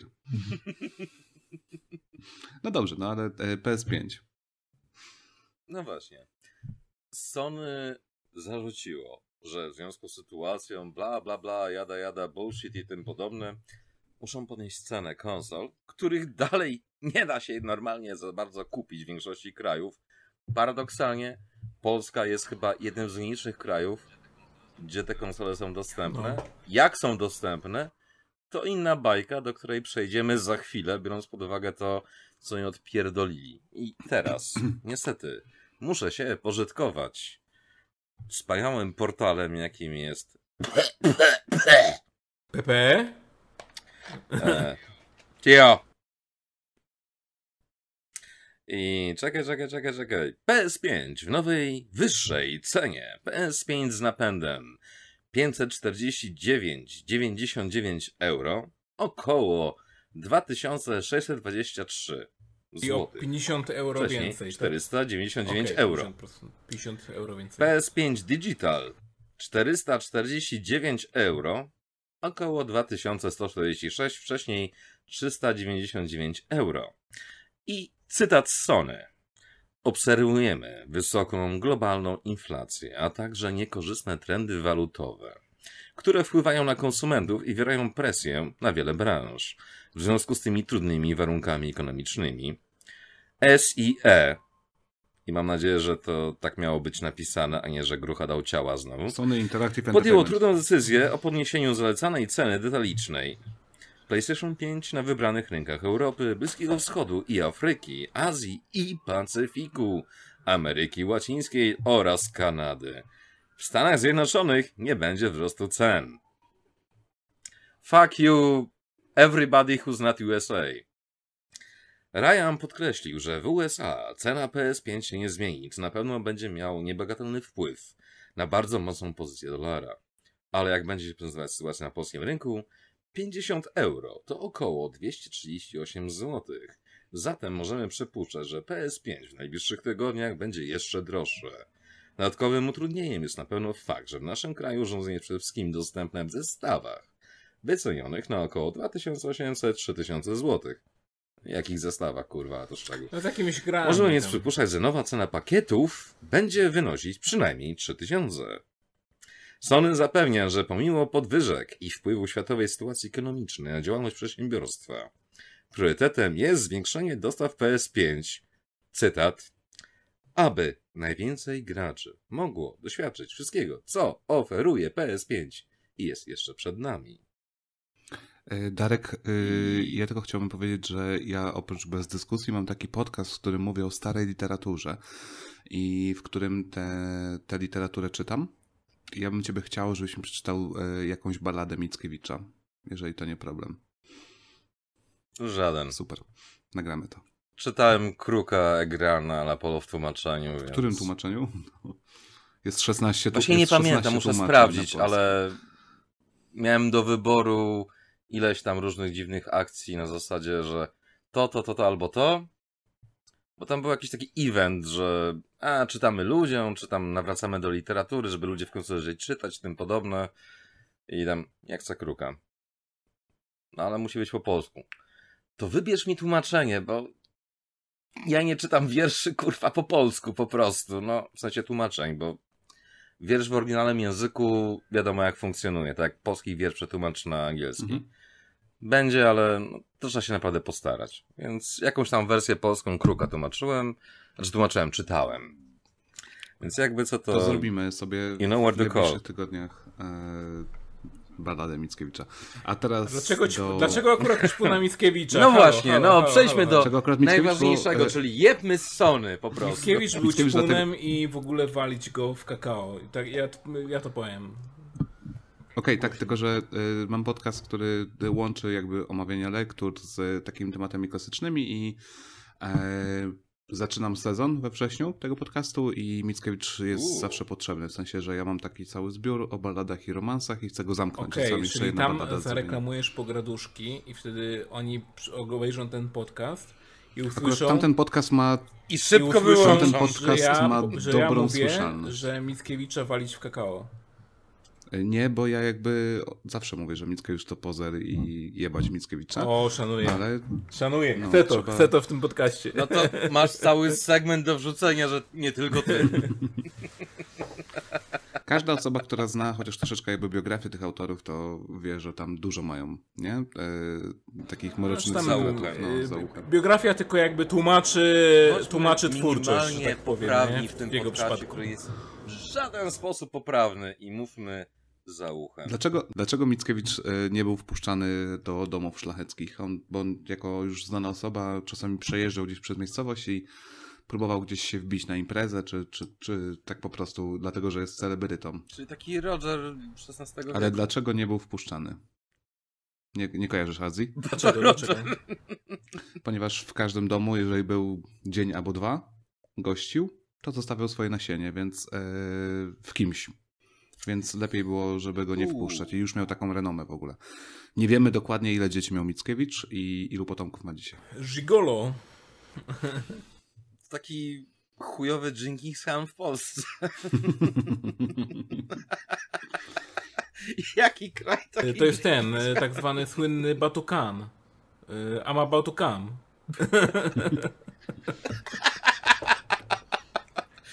Jak zwykle poziom humoru najwyższej próby. Przypominam, że najlepsze co było to mielonka.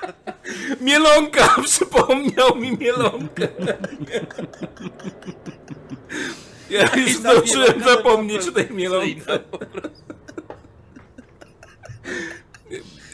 Musimy zrobić taki segment autentycznie, że jakieś najchujowsze gry jakieś zebrały z danego miesiąca, żeby wrzucić w Mielonkę, nie? Nowy segment. Poza This Month Stupid. Nie, kiedyś zrobimy taki specjalny odcinek po prostu, że najgłupsze żarty, najbardziej żenujące, najniższej próby taki super cut będzie. po Będziesz miał bardzo dużo wycinania, bo myślę, że tak e, z 50% podcastów ogólnie by się nadało do tego naszych. To nie chodzi o wycinanie, to chodzi o długość, bo w sumie ja będę mało wycinał. Niby super cut, a jednak 40 godzin, tak? Dokładnie. No. Więc wracając do tematu głównego, czyli fuck you Sony. Mhm. Na zasadzie nie potraficie dostarczyć towaru. Nie potraficie upilnować skalperów. Nie potraficie absolutnie nic zrobić. A mimo to podbijacie cenę, bo jesteście żenujący. E, Potraficie powiedzieć, Wasza opinia. potraficie powiedzieć, że wasza premiera najnowsza, czyli nie wiem, tam God of War czy The Last of Us za kilka dni, nie będzie w, waszej, w waszym abonamencie, który nie jest tani, dlatego że to by wpłynęło negatywnie na jakość tego produktu, więc jeszcze doda dodatkowo fuck you. No.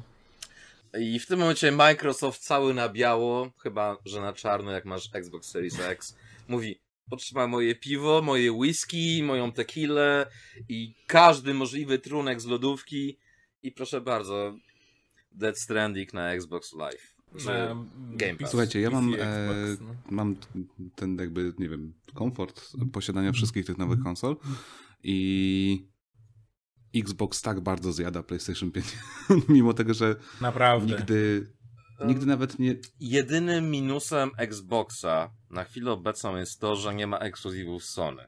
No, Tak. No i Nintendo, ale to, to wiadomo. ale Nintendo jakby Ale jeżeli swoją, chodzi o podejście mańką, do nie? użytkownika, dawanie ci tak zwane gut for your buck, no to po prostu bez obrazy. Znajomy teraz wycebulił na jakiejś tam promocji, że ten Xbox Series S i tam 3-4 lata jakoś tak z tych promocji wychodziło, że jak tu coś tam pokombinujesz i tak dalej, bla bla bla.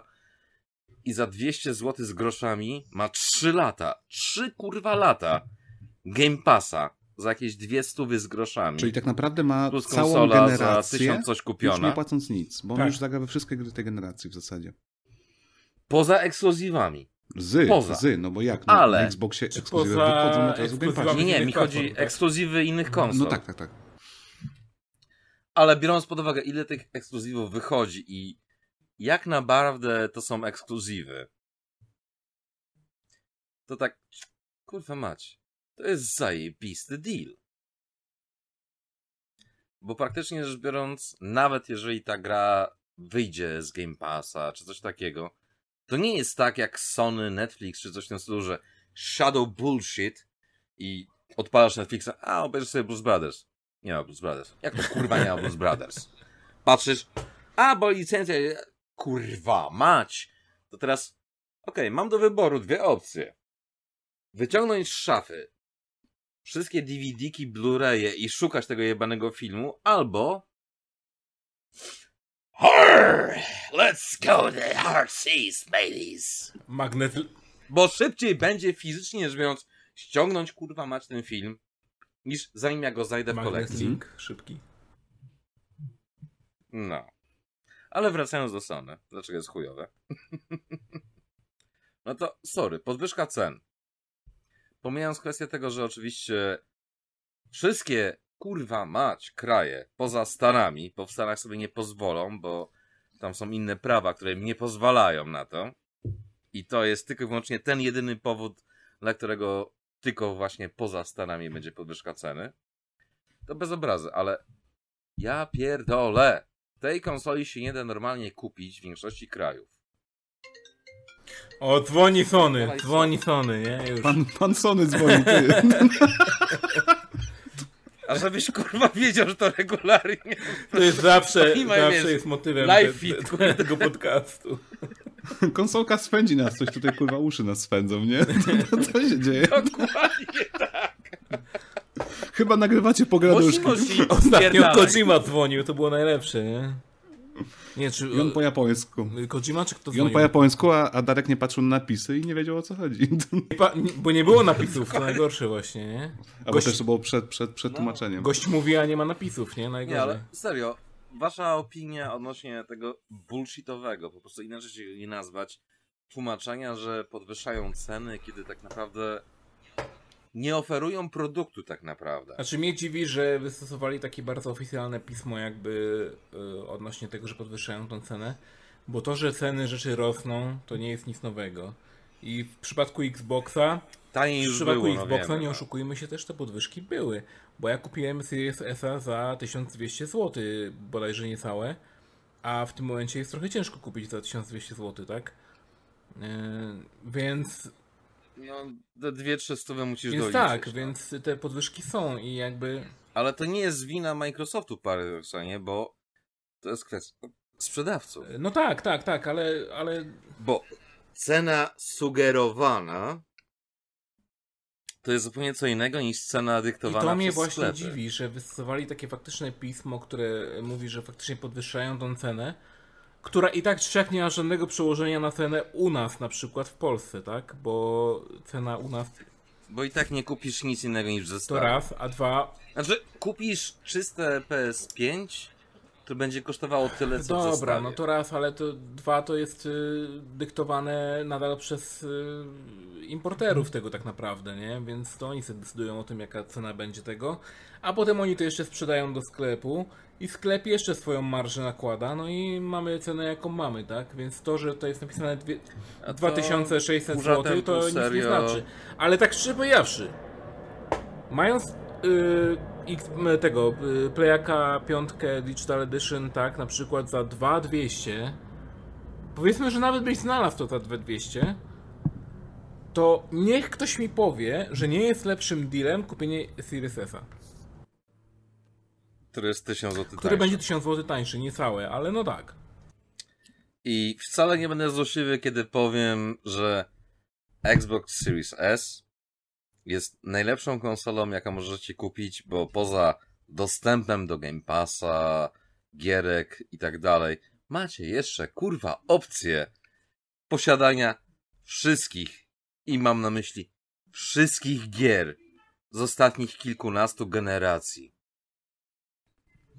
Okej, gry z PS2, z PS3 Eee, różnie działa.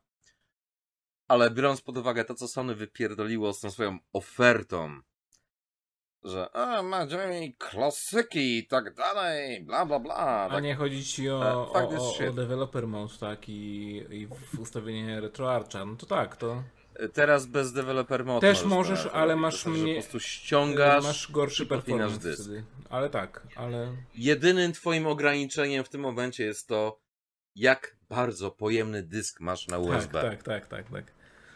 Nic poza tym. Ja 4 terabajty jesteś w stanie kupić za 200-300 zł i na tym zmieścisz wszystko z NESa, SNESa, Mega Drive'a, łamane Genesisa, 64, PlayStation 1, PlayStation 2 może nie, ale nieważne. GameCube'a też może nie, ale te najważniejsze tytuły.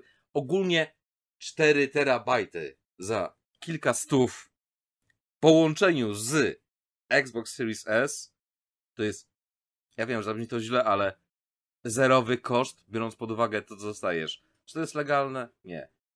Czy masz to w dupie? Jak najbardziej. I masz setki lat grania dosłownie. Ty nie będziesz żył wystarczająco długo, żeby przejść gry, które No, będziesz chciał. patrz Adam, który przypomina sobie gry, kurde, które wyszły 10-20 lat temu i się dobrze przy tym bawi. Czy potrzebujesz, kurwa, mega hitów teraz? Nie! Ja bardzo, Potrzebujesz dobrych ja gier. bardzo, ja A bardzo gdzie są lubię dobre gry? współczesne gry wciąż. Jakby to Każdy lubi tak, współczesne nie? gry. To się wytnie. Ale wy tak wchodzicie jakby w ten w taki wątek, wiecie, yy, wiecie, już szare strefy i tak dalej, te, Mhm. tam emulowanie, nie? Znaczy, Szara, no. Szara, no bo To zależy jeszcze od podejścia, bo bez obrazy. Ja mam to podejście, że mam całą półkę Saturna, całą półkę 64 i całą półkę Playa 1, jakichś kurwa dziwnych importów z Japonii i tak dalej, które nigdy oficjalnie nie wyszły w Europie. I żeby w to pograć, to ja muszę mieć albo PS2, które jeszcze będzie działać, albo PS3 z tej pierwszej serii, które jeszcze będzie działać, albo mam pierdolonego Xbox Series S, który bez problemu tę grę emuluję. Nie, spokojnie, jakby tutaj, o tu, na tej wysokości macie tam około 100 gier z PSP. Ja bym nie wyciągnął PSP i, i włączył tej gry, tylko bym sobie odpalił na emulatorze, mimo tego, że je mam. Ale ja właśnie o to chodzi, na no. emulatorze. Jest taki emulator, nazywa się PS Vita, jest bardzo fajny. Polecam.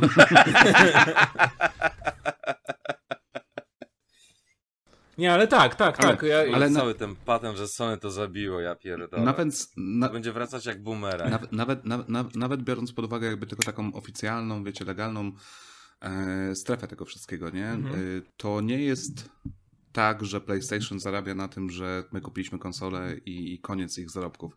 Oni zarabiają, Oni zarabiają na grach. Zarabiają na każdej grze, na tym Tak. abonamencie, który też jest i mówienie, że oni muszą teraz zwiększyć koszty konsoli, to jest no bullshit, tak? No bo wcale nie muszą, bo zarabiają na wielu więcej rzeczach niż na tej. I dlatego właśnie No wracamy chodzi, do tego. Masz minimalne pojęcie o tym, jak działa branża, jak działają zarobki, jak działają abonamenty i tak dalej.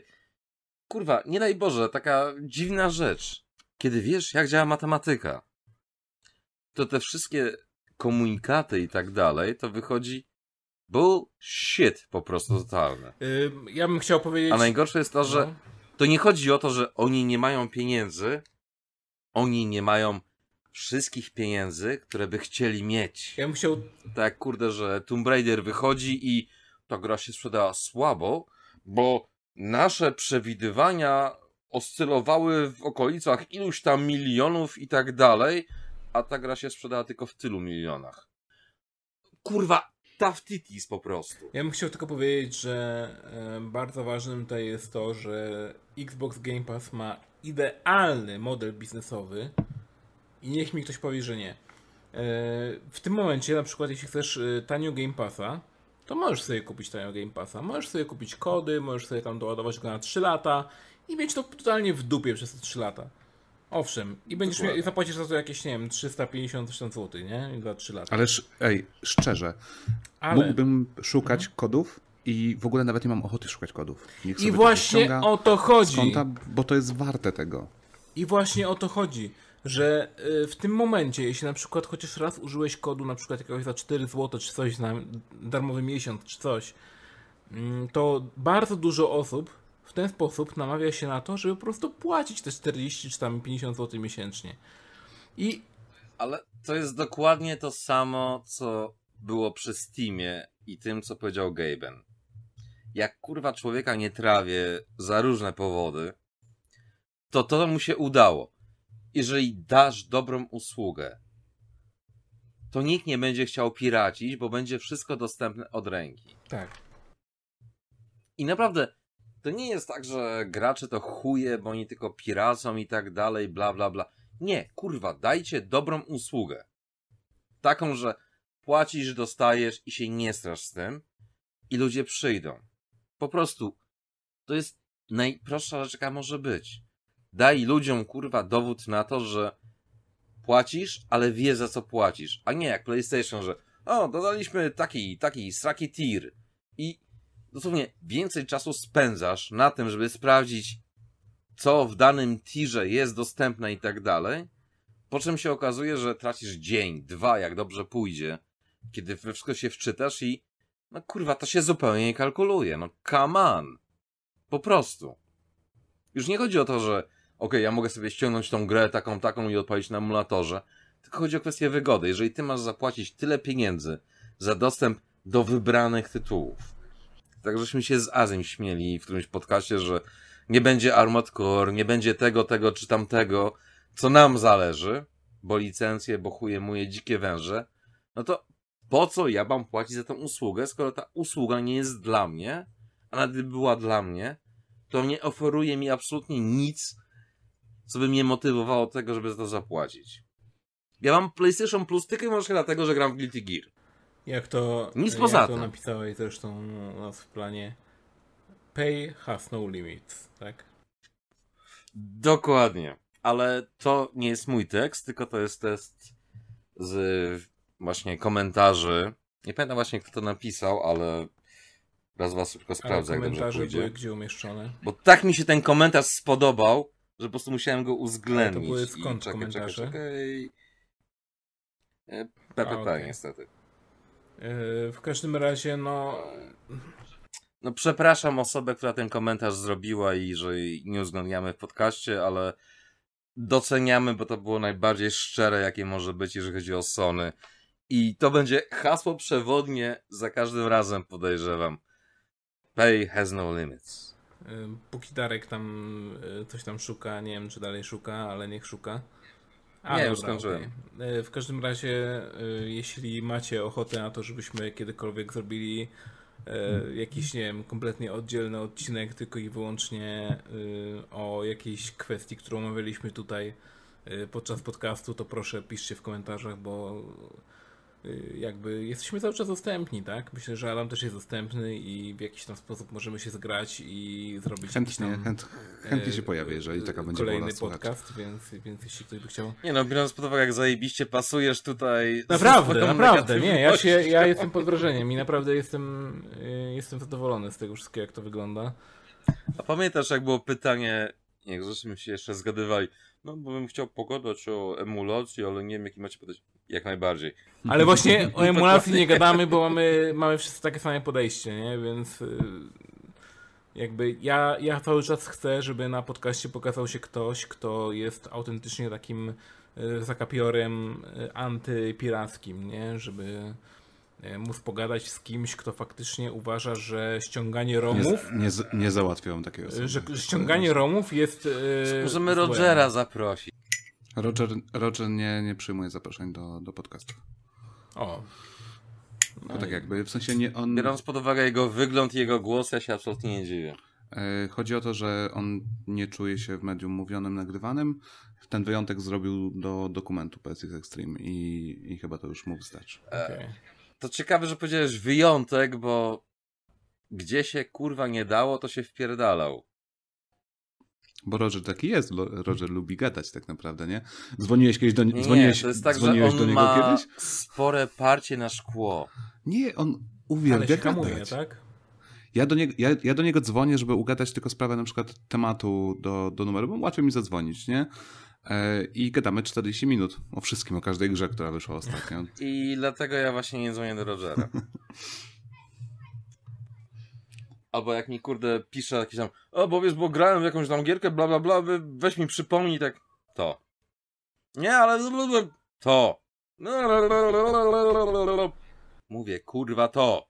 I dlatego czym... karnaś do ciebie. No ty, no faktycznie sprawdziłem i to jest to, miałeś rację.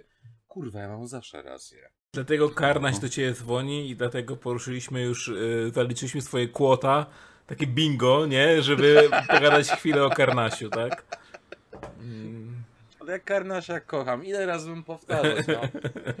Jeżeli kogoś kochasz, to za każdym razem powinnyśmy uświadomić, jak bardzo jest wartościowy. No tak. No. E, ja bym chciał e, na koniec totalnie bardzo szybko tylko poruszyć kwestię e, umów anty-Xbox Game Pass bo, bo coś tam napisałeś w planie, a, no właśnie, a nie wiem jak... tutaj jeszcze mamy taki disclaimer, jeżeli chodzi o kwestię tej całej sytuacji Sony, że tymczasem Xbox. Część obserwatorów branży było przekonanych, że Microsoft pójdzie za ciosem i zdecyduje się na identyczny komunikat. Redakcja Windows Central otrzymała odpowiedź rzecznika amerykańskiej operacji i poczucił, że Xboxy Series X łamane S będą dostępne w standardowej cenie. Mic drop, kurwa mać. Tak samo Nintendo. No, ale tam Nintendo, tak, ale... kto by tam... One, oni już mieli za drogi sprzęt, jak tylko on wychodził, tak? Koleż, koleżkowie, koleżkowie, miarkujcie się tutaj. Nie, jak tylko się pojawia temat Nintendo, to od razu jest, wiesz, jest gorąco, nie? Jest, jest ciepło, naprawdę. Nie, Azji ma dosłownie taki, wiesz, jak w Dragon Ballu, Rage Mode. Super Saiyan, tylko jak tylko się pojawia temat y, Nintendo. Tylko tak nie? triggeruje, kurde, że po prostu... Nienawidzę Naprawdę, Nintendo. Jak... Pluję e, temu e, Miyamoto do Ryja. To jest mój e, komentarz z dzisiejszego podcastu. I dlatego właśnie chcemy pojechać do Japonii i dlatego wrzucajcie nam kasę na Patronite'a. Żeby napluć mu do twarzy. Żebyśmy już nigdy nie mogli przyjechać do Japonii, bo to się źle skończy, naprawdę. I chcecie, wy chcecie to zobaczyć. Ej, ja nie chcę tego ej, nagrywać. Ej, Azji, Zgrajmy się. Azji. Przypominam, jedziesz ze mną. To się nie skończy dobrze. To się nie zacznie dobrze, to nie będzie trwało dobrze i na pewno się nie skończy dobrze. Ale będziemy mieli kupę radochy z tego. E, Przynajmniej ja. Dawajcie ten hajs, bo ja bym z nimi poleciał, jakby co. Czyby mieliśmy, czybyśmy mieli nowy tier w takim razie? 1500, 15 tysięcy i lecimy z piechotą? Z piechotą. Nie, nie. Nowy tir będzie na piechotę. Nie! Powiedział to! Ja się powstrzymywałem przez cały podcast, żeby nie powiedzieć żadnego żartu tego typu. I on to powiedział, no. Nie. Ej no, Adam się już przygotował mentalnie na powrót z podstawówki i tak dalej. No tak, tak, tak, tak. Ale Ale nie da się niestety, no nie da się. Nie, jeszcze, je, jeszcze, jeszcze żaden z was To był ten dobry moment. Żaden z was nie śpiewał, że piechota rucha kota. Nie, to jest moja podstawówka. Wow. O Boże. Y, Jesus, Chyba serio? jednak jesteśmy troszkę za starzy mimo wszystko. W każdym razie, y, no tak, no Za starzy nie, dojrzeliśmy. też nie. Mhm. Doszliśmy. Tak. O, może prędzej, no. O. No. A teraz. Uwaga, bo to nasza słuchaczka, O, fanka, o dziwo. mamy Są- żeńskie fanki. Co tu się dzieje? Cia. Okazuje się, że kobiety też nas słuchają. O Nie dziwo. wierzę w to. To wrzuciła właśnie, że może powinniśmy This Man in Stupid poruszyć temat Sony przybliża się do gwiazd. Czyli z Extrema, żeby było śmieszniej, nowy patent Sony, który będzie nagradzać graczy rozmaitymi pierdołami i tak dalej, w zamian za, nie wiem, płacenie, bullshit i tak dalej, bo przeczytałem to i dalej, kurde, z tego marketingowego bullshitu, kurde, nic nie wynika. Poza tym, że jak będziesz grać i osiągać coś tam, to może coś dostaniesz, a może nie dostaniesz, a może będziesz miał, nie wiem, gratis na PlayStation Plusa, albo jakiś gówniany Czyli dodatek gry i tak Zrobisz- dalej. Zrobisz gratis. 50 platyn w ciągu roku, pewnie dostaniesz koszulkę albo, albo 3 miesiące plusa za darmo. Ale y, Microsoft, Dostaniesz maila z podziękowaniami. Microsoft już dawno miał coś takiego jak Microsoft Rewards. Y, Nie wiem, czy to w Polsce działało, ale wiem, że w Stanach to działało. Chyba nie. I jeśli na przykład zrobiłeś jakieś misje, które dawało ci tygodniowo czy tam miesięcznie, to mogłeś punkty z tego wymienić na jakieś zniżki na gry, bądź jakieś inne tego typu pierdoły, tak? Mm, Więc to już było, czyli znowu Sony odświeża coś, co już tak naprawdę nie jest świeżym pomysłem. Ale wiesz, Sony to jest jak ta taka twoja ukochana sąsiadka z osiedla, która po tygodniu, miesiącu, pół roku dowiaduje się o promocji w jakimś tam sklepie i musi ci o tym opowiedzieć dokładnie, po prostu w każdym najbardziej bolesnym i kurwa męczącym szczególe. I tak, kurwa kobieto, odejdź ode mnie do chuja pana wafla po prostu. No cóż. I don't fucking kurwa care.